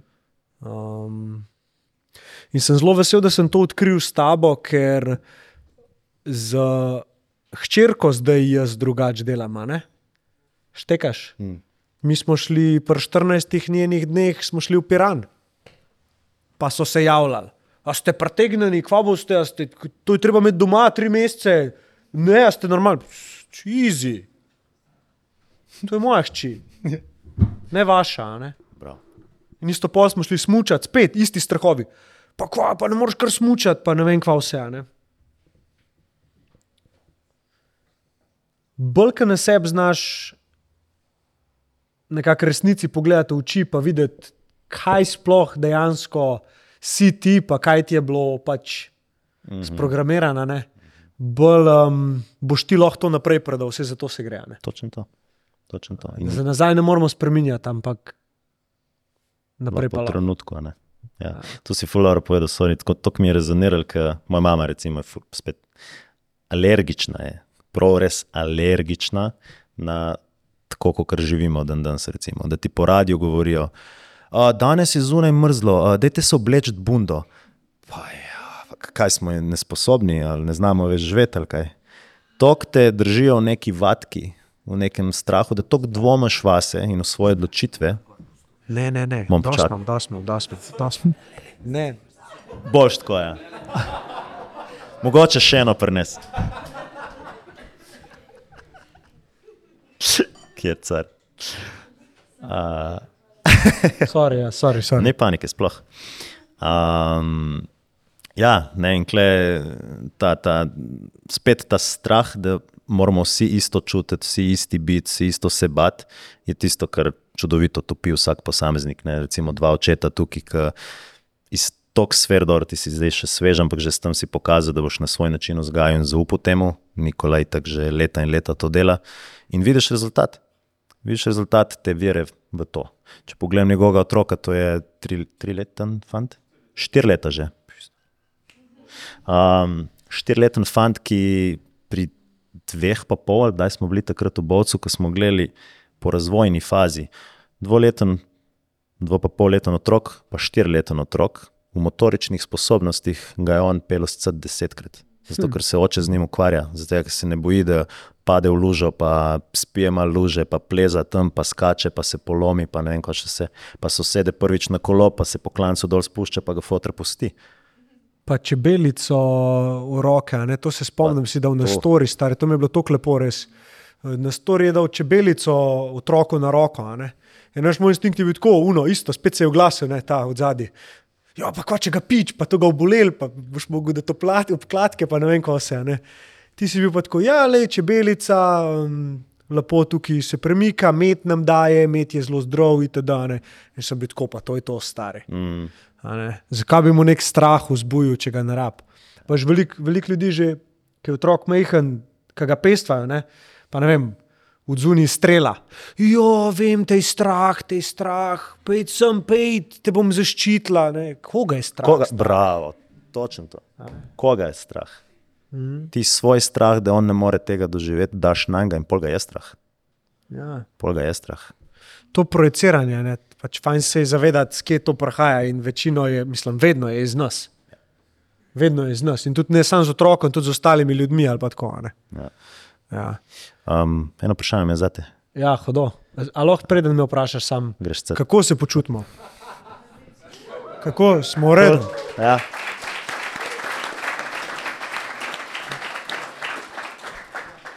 A imamo še energijo, da nadaljujemo ali počasi? Ja, počasi bo šlo zdaj tako. Okay? Okay. Ja, ja, ja Jaz mislim, da sem lahko good. le 10 ur, Jaz veš, kaj problem je, da jaz, jaz tja vidim in tam sem videl mojco, ki tako že ima tako. sorry, sorry. So good, vem, da si ti bolj za. Ja. Um, vmes si me vprašal pri začetku, kje je bila una. Prelomna točka, recimo, ko se je meni začela ta pot, ta bolj poduholjena ali karkoli, kjer je ta trenutek bil. Kjer je bil tvoj? Evo, zdaj prvo, kar mi je gor počel, je itak smrt. Ne? Ampak.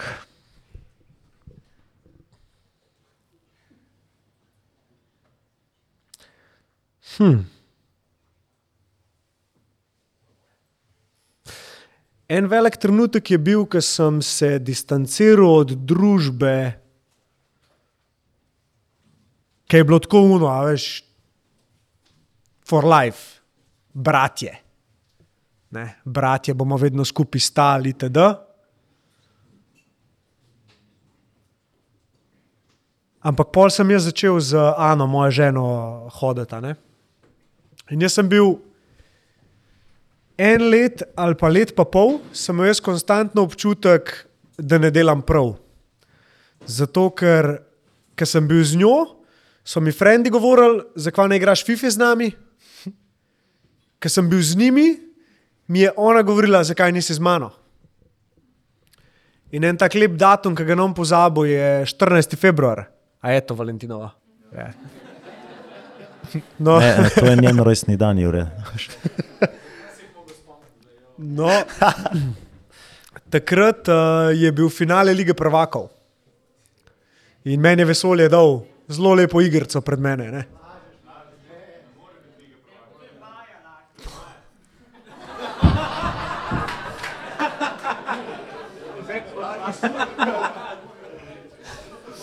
Um, Dajmo malo človeka pustiti, da zaključi, pa fakte pustimo. Zakaj smo mogli to reči? tako? Ne, hecam se, ok, pa je bilo nekaj drugega. Fact check. Fact check. Su, a je bil super, ne, ne, ne. Su, a, Super Bowl, ja, bravo. No, evo, to je bilo. Uh, in jaz sem se odločil, da grem gledati Super Bowl, zato kaj bi jaz, pač, zakaj, kaj boš ti meni. A sem copata. Veš, vedno sta bila dva v meni, en je bil, a sem copata, a ta drugi je bil pa, rad bi bil zaljubljen. A ne. Verjetno se kakšen fant s tem poveže. Ampak jaz sem dve leti trpel, konstantno med tem pa unim, pa tem pa unim. Dokler ni bilo enkrat tako hudo, da.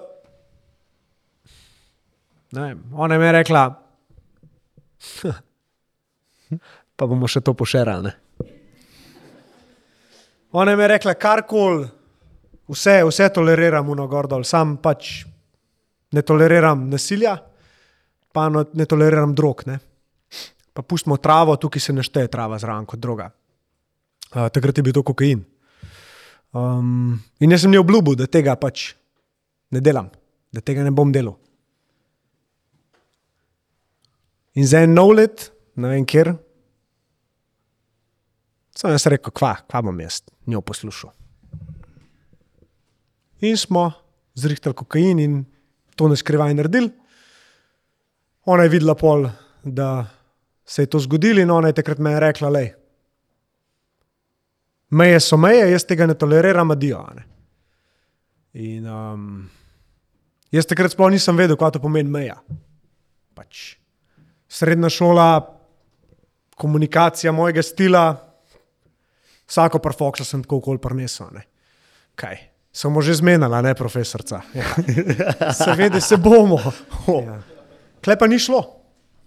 Tle sem bil pa jaz soočen s tem, da moram sprejeti, da mi je vzeti nekaj, kar sem šele takrat videl, koliko imam rad, pa kakšno spremembo dobro v meni ona hoče vzpostaviti. In tako, ker recimo Griša pa Holup je ona že takrat v meni videla enega dobrega fanta, ki ga jaz nisem videl, ne? ker je bežal od nečesa, ne vem česa, da bi se soočil sam s sabo. Od tiste točke jaz kokaina nisem več pipnil in ga niti ne mislim, ker vem, da je bil to moj pobeg. Da sem tam iskal nek občutek, ki sem mislil, da ga ne morem doseči s tem, da sem to, kar sem. Ampak je zdaj stokrat jače.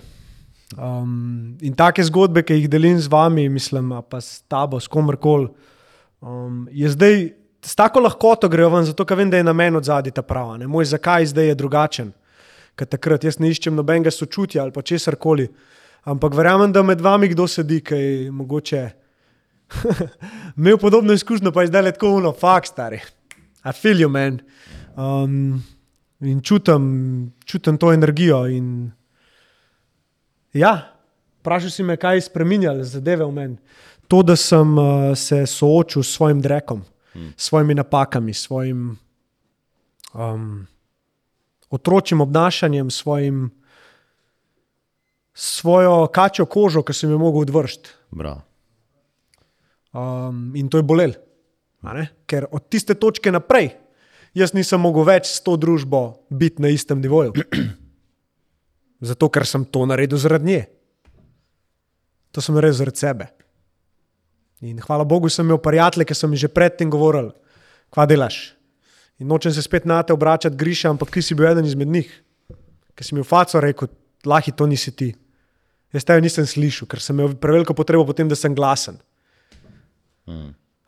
Zdaj, ki nazaj gledam, toliko sem te slišal, stari, pa ne samo tebe, še vse ostale. Um, in ja, da se naredijo neke spremembe, ki so večje od nas samih, uh, se moraš uzreti vase, ne spremenjati stvari izven sebe. In to me poveže nazaj z unim, kar si ti prej govoril. Mm. Uh, in Mogoče bi na tej točki tudi spet dal priložnost komu, da se priključi. Si hotel. Ne, ker sem to pomislil, sorry. Vmes. Pa si zdaj točno. Nisi prišel do besede, pa si čez mene to rekel. Ja. Lepa, lepa zgodba. Verjetno prej je Turk rekel, da pri 33 letih se mu je nekaj zgodilo. Zdaj se je kdo vprašal, koliko je Turk star. Turk je star 313 let. Petič. Petič. Ja. Uh, imamo koga? Evo je roka. Lahko mikrofon date, prosim.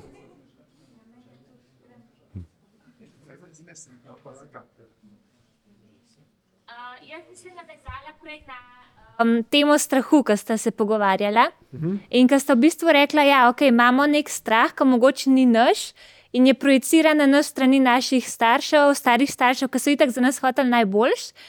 In ok, naprimer, jaz se tega zavedam, ampak kaj če en del mene tega strahu noče spustiti? Kaj če sem jaz toliko v tem strahu, kaj če meni ta strah celo obdobja? Ker se mi zdi, da je lahko na enem levelu tako zakoreninjen v meni, da sploh ne vem, kdo sem jaz, če ta strah spustim. Tako pač zjeban, ampak ja. Me zanima, kaj vi da mislite. Hodo. Po mojem, še mogla malo še enkrat. Um, ali si, si ti imel? Kar, z, mislim, z, ne. Uh, Za me.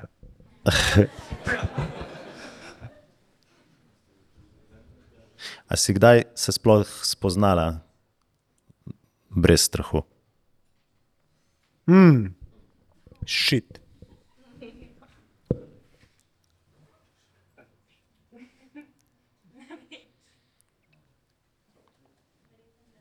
Mhm.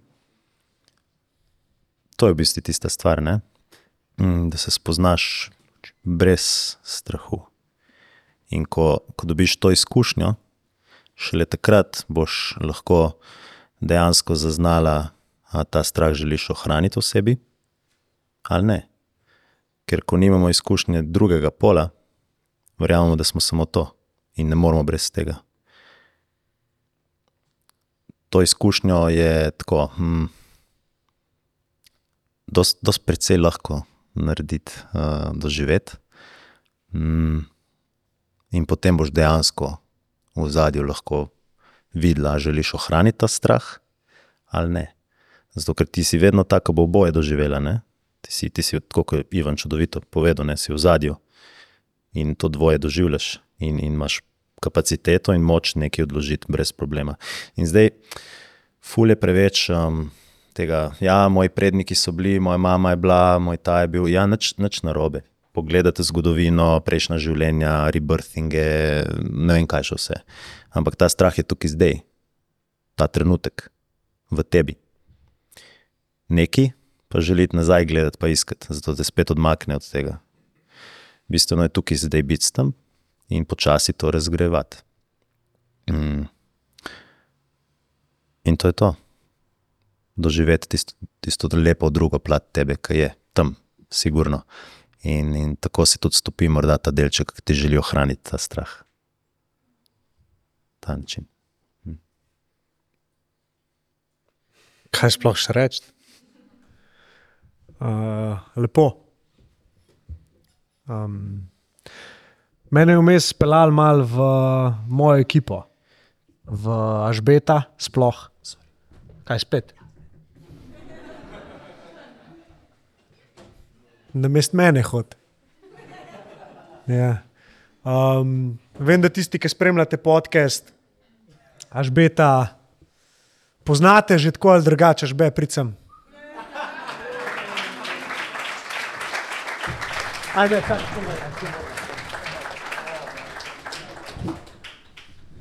Um, zanimivo, kako vesolje da prostora. Ne? Tako je, tako je. Očitno sem poklical, ker um, res, res me, v bistvu sem pozabil, kaj sta se Turk in gospodična sploh pogovarjala, ker um, sem sam tako bil, človek, koliko si ti lahko hvaležen za ljudi, ki jih imaš zdaj okoli sebe. Pa pol tekom večera boste spoznali še en. Še en tak naključen trenutek, ki se je zgodil pred kratkim, ki je pripeljal blizu nas še eno osebo. Um, to je mojca. Uh, bom, bom več o tem povedal pol kasneje, ko boste dojeli, zakaj. Um, ko bomo nekaj pokazali. Uh, Amadej, ki gre čez svoje osebne stvari zdaj.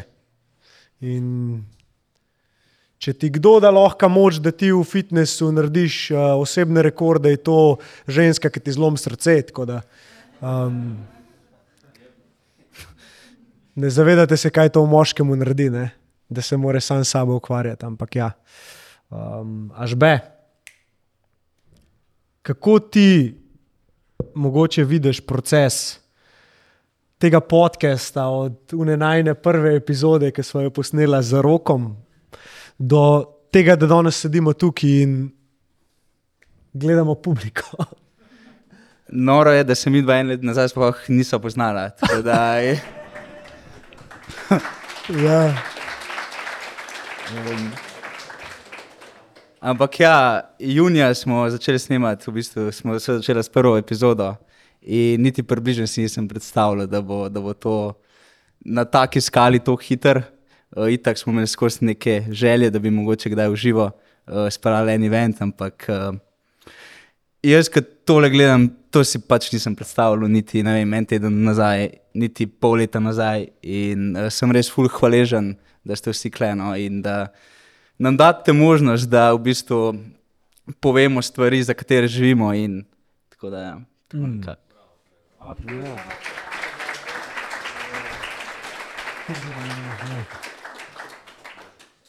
Glede na to, da je danes uh, glavna tematika ta osebnostna rast ali whatever, uh, bi rad še tebe malo vprašal, kako ti je bilo, ko si recimo prišel do Lahija in si uh, tudi spoznal potem v njegovem okolju ljudi, ki si spoznal, pa glede na to, kako si tudi ti mlad, uh, do katerih spoznanj si prišel v tem času, odkar se videl. Ja, meni v bistvu, ko sem jaz lahko spoznal, ene stvari so, me, so mi bile čist nove. Uh, in tudi v bistvu sem začel dojemati, da vsi v njegovem okolju so nekako v tej smeri osebnost narast, pa uh, kako izboljšati sebe, ampak nisem se nikoli prej vem, srečal z duhovnostjo ali pa uh, nasplošen z osebnostno rastjo v taki meri, kot sem se zdaj. Uh, ampak sem bil pa vedno tako zelo do, hitro dojemljiv, uh, rad sem se učil in uh, stvari so mi bile logične, bile zanimive in sem se poglabljal, po- poglabljal do te mere, da je to postal nek, bi rekel, uh, del mene, ki si ne predstavljam, da bi živel brez njega, ker ogromno enega dela na sebi sem naredil v tem pol leta in dejansko ne poznam osebe, ki je eno leto na, nazaj bila jaz, uh, mm. ker je to čist, čist druga oseba. In še enkrat več sem hvaležen za vse ljudi, ki so v bistvu uh, del tega, med drugim si tudi ti. Uh, in jaz se veselim, kaj vse še prihaja nekako v prihodnosti. Uh, ampak ja, hudo res. Hudo.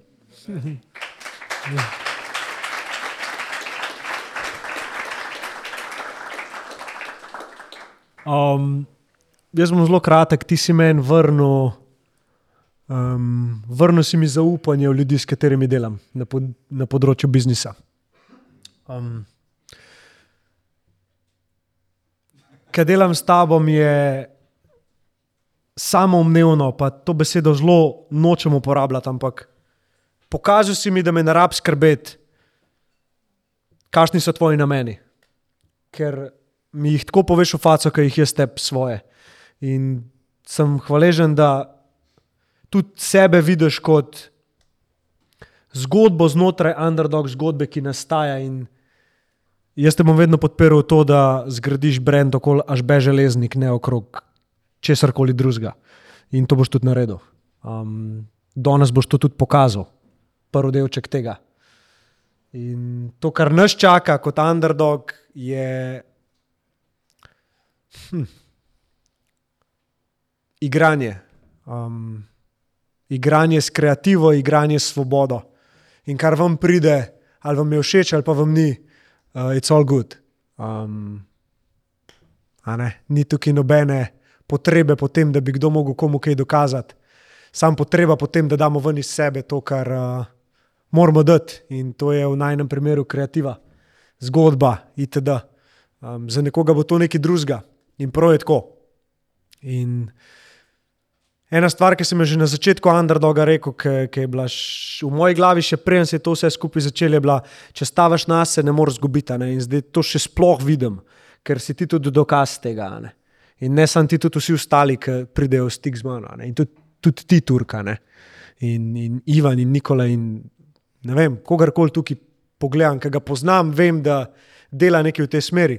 In na koncu dneva, če je um, namen underdoga to, da se taki ljudje lahko enkrat na mesec ali pa na dva meseca na enem eventu dobijo, pa se podružijo, pa neki poslušajo skupaj, pa se še bolj vključijo v debato. A ni to nekaj najlepšega, kar lahko narediš?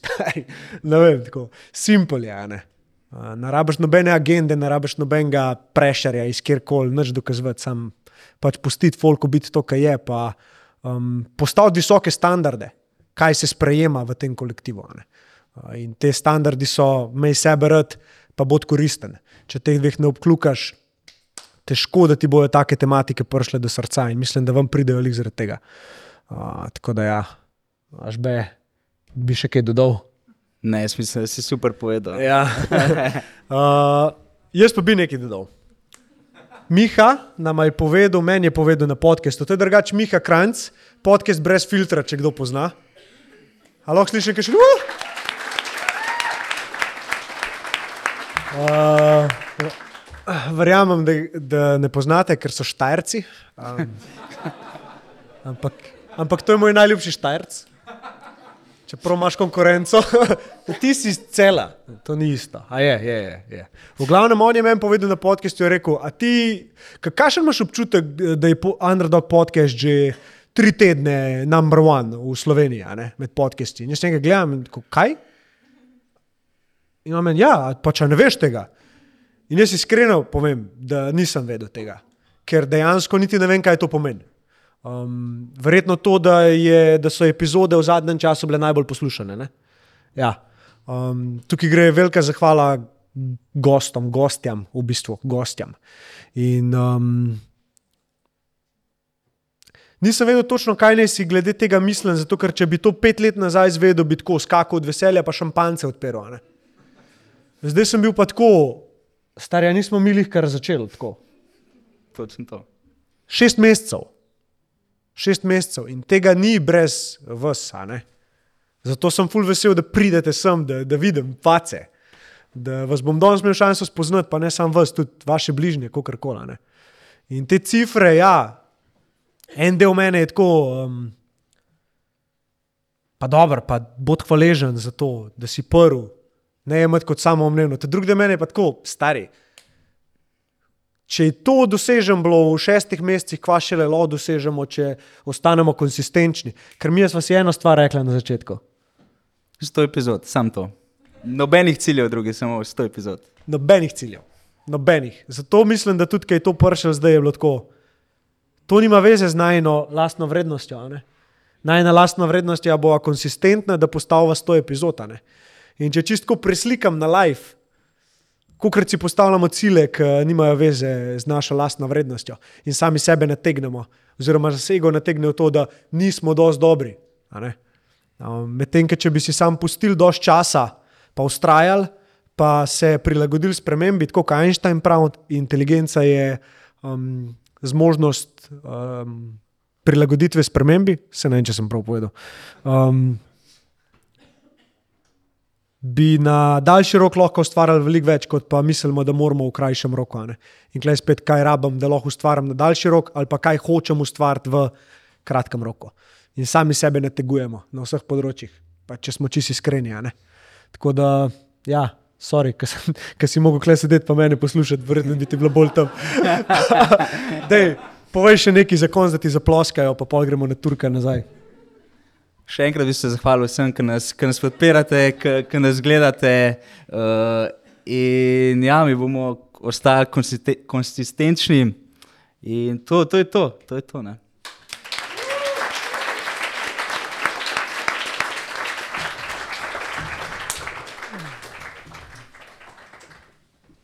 Ja. Uizi zdaj, ok? Zelo počasi, zelo počasi. Prav. A, a vi veste, da je bil Turku čas uh, MMA, ne? MMA, ja. Državni prvak, evropski prvak? Državni. Državni prvak v MMA-ju, Mixed Martial Arts. To je ono UFC, ki zdaj gledate. Conor McGregor. Pa sem šel na pravo bitko. ja, ja. Lepo obdobje. Ja, in tudi eden izmed najbolj spremnih ljudi na svetu. Um, če hočete ugotoviti, koliko je človek močen, pejte z njim jujicu. Koliko izmed vas tukaj je že delal jujicu v življenju? Ja, en, dva, tri, štiri, pet, šest. Šest, sedem, sedem, osem, prav. Devet.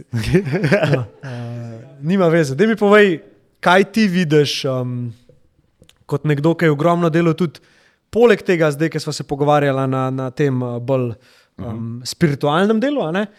Kaj ti pomeni telo? Eh, Enkrat si rekel v podkastu, um, telo me je naučil čutiti, oziroma telo mi je dal. Um, kaj si rekel? Ne spomnim se točno, zato ker le, pri meni to tako deluje. Jaz, kar rečem v trenutku, je naslednji trenutek pozabljeno. Zato ker to je bila ta resnica za ta trenutek.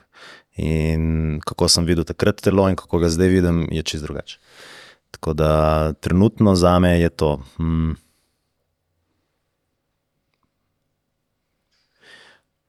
to je. Aha, zdaj sem se dejansko spomnil, kaj sem rekel. Uh, Ampak to je res, evo, ta, ta, ta, je, ta je še vedno stalnica v meni. Torej, to je edina stvar, ki je s tabo od začetka do konca. Edina. Vse ostalo pride in gre. In je kar žalostno na nekih nivojih, da, da to globoko ne dojamemo znotraj sebe. Da to je tvoj najboljši prijatelj, to je tvoj partner, to je tvoj guru, to je tvoj učitelj, to vse ti daje, vse je klenot, vse. In kakšen odnos imaš ti do telesa, bo takšen odnos, kot bo on imel do tebe. In za me je od vedno bilo, od vedno in še vedno je, in trenutno ga res zanemarjam in se mu upravičujem, in sem res, res. Hm. Skrbite za ta tempelj. Na vseh nivojih. Emocionalno, energijsko, fizično, vse neguj, ki ti bo dal nazaj.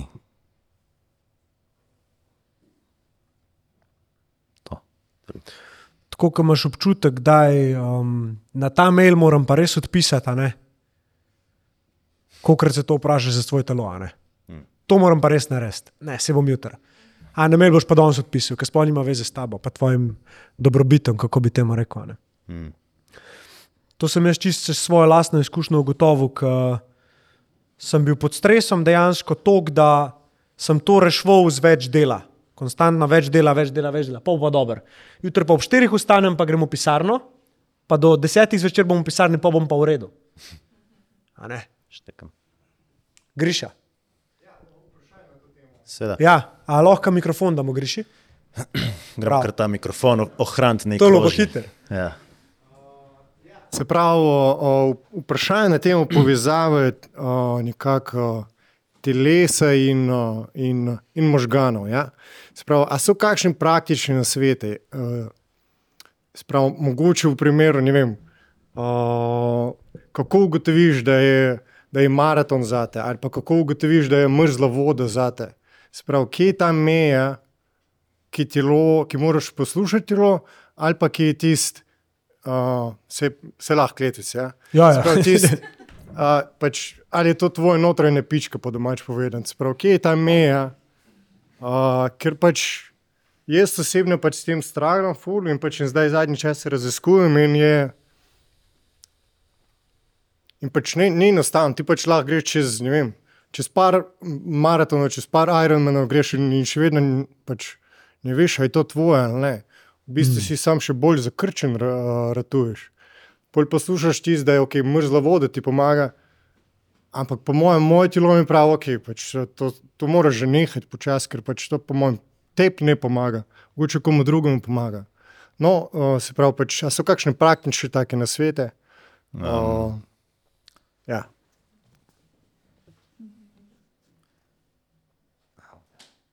Soči se s to žalostjo.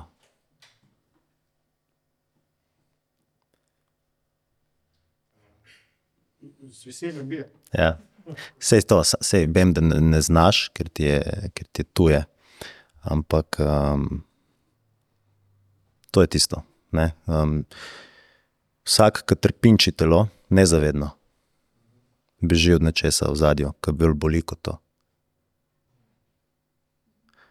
Um, tako da je bolj ta korak, ne iskati načinov, kako boš trpinčenje zmanjšal na fizični ravni, ampak globoko to čustvo v zadju, ki povzroča to, da si to delaš. To bi ti rekel. Hm. Um, Mhm. A je na, se na to navezuje? Hodo. um, Drugač pa zanimivo vprašanje. Jaz sem, jaz sem se tudi s tem sprašval. Tako kje je meja med tem, veš, um, kdaj deluješ iz tega, da dejansko zase nekaj dobrega delaš, da premaguješ te miselne ovire. Ponovadi je bilo to, kar si mi dal ti na, na unga assault bike, a ne, pa sem že skoraj kozlov, pa si mi rekel, zdaj pa še petkrat to. Pa sem bil tako, no, kako pač ni šans in si ti rekel, da je peto jajca, pa pozab um, pa sem jaz tako šturk, stari, jaz bom tebe po bruhu, jaz ne bom šel jajca, stari, a veš, a razumeš. Pač ne morem čez to, ne, pa sem šel. In takrat sem bil ful ponosen na sebe. Sam kdaj pa to gre v ekstremizem, da je to tisto, kar te fila. Dej, Nikola, povej, uh, kako ti to vidiš. Um, rečem, da je že šla čist mimo ta žalost, moja osebna, ki sem jo doživljal skozi življenje. Um, branila je vedno jeza in prihajala ven tako na, hvala Bogu, pač čez treninge, boš kot kako drugega.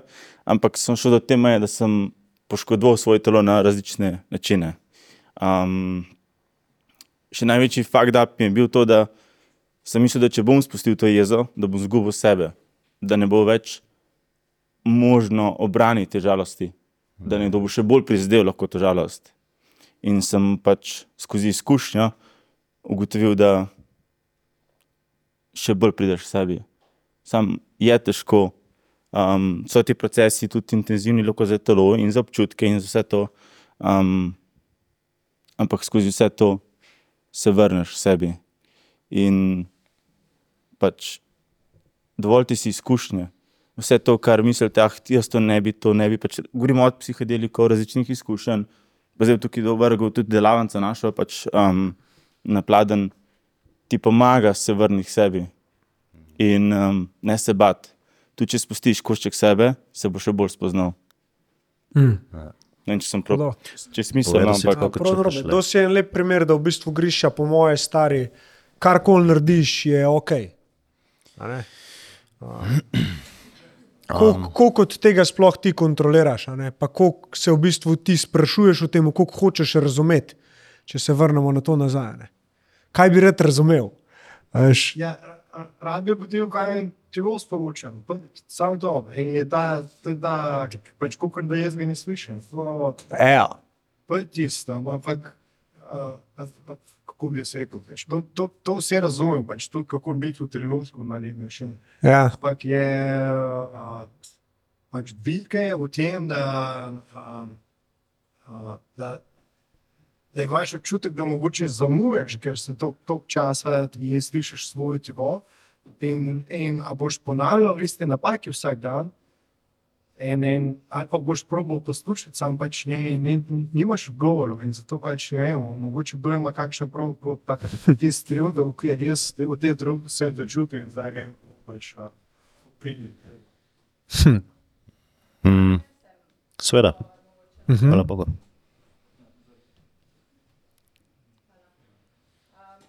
Zadnje čase dosti podobno težavo ukvarjam. V bistvu, da jim rečem tako, zadeve v mojem okolju, ki ne stojijo najboljš, pa zgodovina športa. Jaz sem judo trenirala več kot 20 let. Osebni trener sem bila default, se pravi, šport je bil moj outlet. To je pomenilo, da če šport sem jaz predelovala svoje čustva, zadnje dve leti se je zgodil pa obratno. V bistvu je šport rado nekaj, kar je bilo sem naporno in ni bilo več tisto, kar je meni pasal, oziroma jaz nisem najdla več smisla. Težko je bilo iti na trening, se pravi, edini smisel, ki sem ga imela več kot 20 let, ki je bil šport, se je zdaj obrnil proti meni in na srečo imam okolje, ki mi je dalo možnost, da je bilo ustav se. Nehi delati vse, kar delaš, pa se ostav in zdaj mi telo govori. Jaz vem, ker dan grem lahko delati to, kar res meni paše, ker dan bom šla lahko pod mrzu tuš, ampak jaz ne rabim delati vsega. In en dan se lahko dejansko samo ustavim in ne naredim nič. In to je recimo meni največ prinesel tudi na telesu, da se jaz lahko spet dobro počutim. Mogoče moja izkušnja. Lahko sam če zadnji, ki mi daje to, kar je na, na filmu rizuje, da v eni, a, v eni knjigi, moj sem ti je tudi prav, da ti povedal, da če se pogovarjali. Sem pripravil to, da čustva so edini fakti. Kaj so? Še enkrat, so, so, so edini, čustva so edini fakti. dejstvo. Čustva Edini so edino fact. dejstvo. Aha, ok. Fakt. Ja, dejst, dejstva. Ja. Čustva so ali pa edina resnica. Ja, ja, ja. Okej. ja, ja. Ampak, Ja. ampak to se pravi, samo telo nekaj čut, in organe to bolj interpretirajo. Tako. Ko mi dojemamo realnost, tako da čustva Mhm. so v resnici edina realnost, ki, ki, ki je. Če nimaš povezave s telesom, pol si, si splet. Ja. Torej, v, v, notr, v tvojem doživljanju znotraj, a, a čutiš? Dobro vprašanje. Lahko zdaj podam eno zadevo. Sama počak, plis. Ja. Pač, če, če je tako bolj splošno vprašanje, če čutim, ja, čutim. Okay. Torej, morda praktičen, ki si rekel. Preden greš na nekaj, kar bo res za telo, ne? ali pa ko si že vmes, poskuši vprašati se, kaj čutiš v tem trenutku. Pa skoraj ne vprašati, ampak samo opazuj, kaj čutiš. In če je nek, nek stisk, nek gnus, neka neprijetnost, ti najverjetneje telo govori, "Ej, ustavi se ne rabiš. In potem pride ta, ta drugi interpretator, to je pa ta znana vloga tvoja, ki pa je Iron Man, pa ne vem, kaj še vse, pa reče: ne biti pička. Štekaš, da prvo čustvo, tega pa ne poslušaš, greš drugače narediti. Um, mi imamo v delavnicah podobno, tako, da, da res greš. Ja. Uh, dva, dva pola, ne? če si v enem ekstremu, pravi drugega. Ne poznaš nežnosti, ne poznaš do sebe biti lep in čuteč in nežen in miren in počasen. Poskušaš iti malo to, da vidiš, kako se čutiš v tem, in potem je lažje najti sredino, ker si oba ekstrema spoznal. Če ti bolj umsko odgovorim, ampak energijsko je pa sam ta, ta občutek, ki telo ti pove, verjemi, nisi izgubil stika, vse pove, samo malo mal dlje je za počakati, da ti odgovori. Ne vem, komu sem prej to prepovedal. Malo mal dlje moraš počakati, da ti odgovori. Ampak potem bolj in bolj ta glas in to čutenje ratuje glasno, bolj slišiš in pol ne rabiš več. Jaz sem bil človek abnormalnih rutin. Zjutraj mora biti dihalne, mora biti meditacija, mora biti journaling, mora biti tok sklec, tok počepov, mrzotuš, ta zajtrk, un dodatek, eh, ta knjiga, pet strani pol, ne vem, kva še vse. Ne vem, kva še vse. In če ni bilo to, ni bilo v redu. In uh, ja, na neki točki preprosto sam spuščanje tega in opazovati, kaj se zgodi. Prej sem se šel igrati zgodbo, o oh, fakt nisi to naredil, ja? zdaj bilo pa samo tako, nisem naredil, kaj čutim. Oh, in sem sam se usedel, to, sem prej na začetku rekel, in samo bil sem ta emocija, na, nisi dovolj dober, kaj ti za mogo bi to, ker ti bo to dalo, bla, bla, bla, ne vem kva. In sem sam bil tam, in ko to se s- pomiril, takrat sem dejansko začutil, kaj želim. In sem šel, ne vem, gledati skozi okno sonce, hipotetično. Včasih sem šel pa celo rutino nazaj narediti, ker mi je dejansko rezoniralo. Veš, jaz, hvala ti. Hm. Um, ja. Ok, povedal. Um, ne vem, če si bral knjigo Ultra Blues, to so trije slovenci napisali, da ne bomo preveč oglaševali. V glavnem, stric je ultramaratonc, vegetarijanc, zmeri, ko so bila na pici, mu je moja pica dišala, ker je imela gor pač meso. Um, Hmal je mogel iti na injekcijo, ker je skoraj umrl zaradi pomankanja železa. Tako da včasih je samo fizikalno, fizično treba poslušati telo, ne samo spiritualno. Zadnji del sem ujel. Ima kdo še? E, Ja. Prav.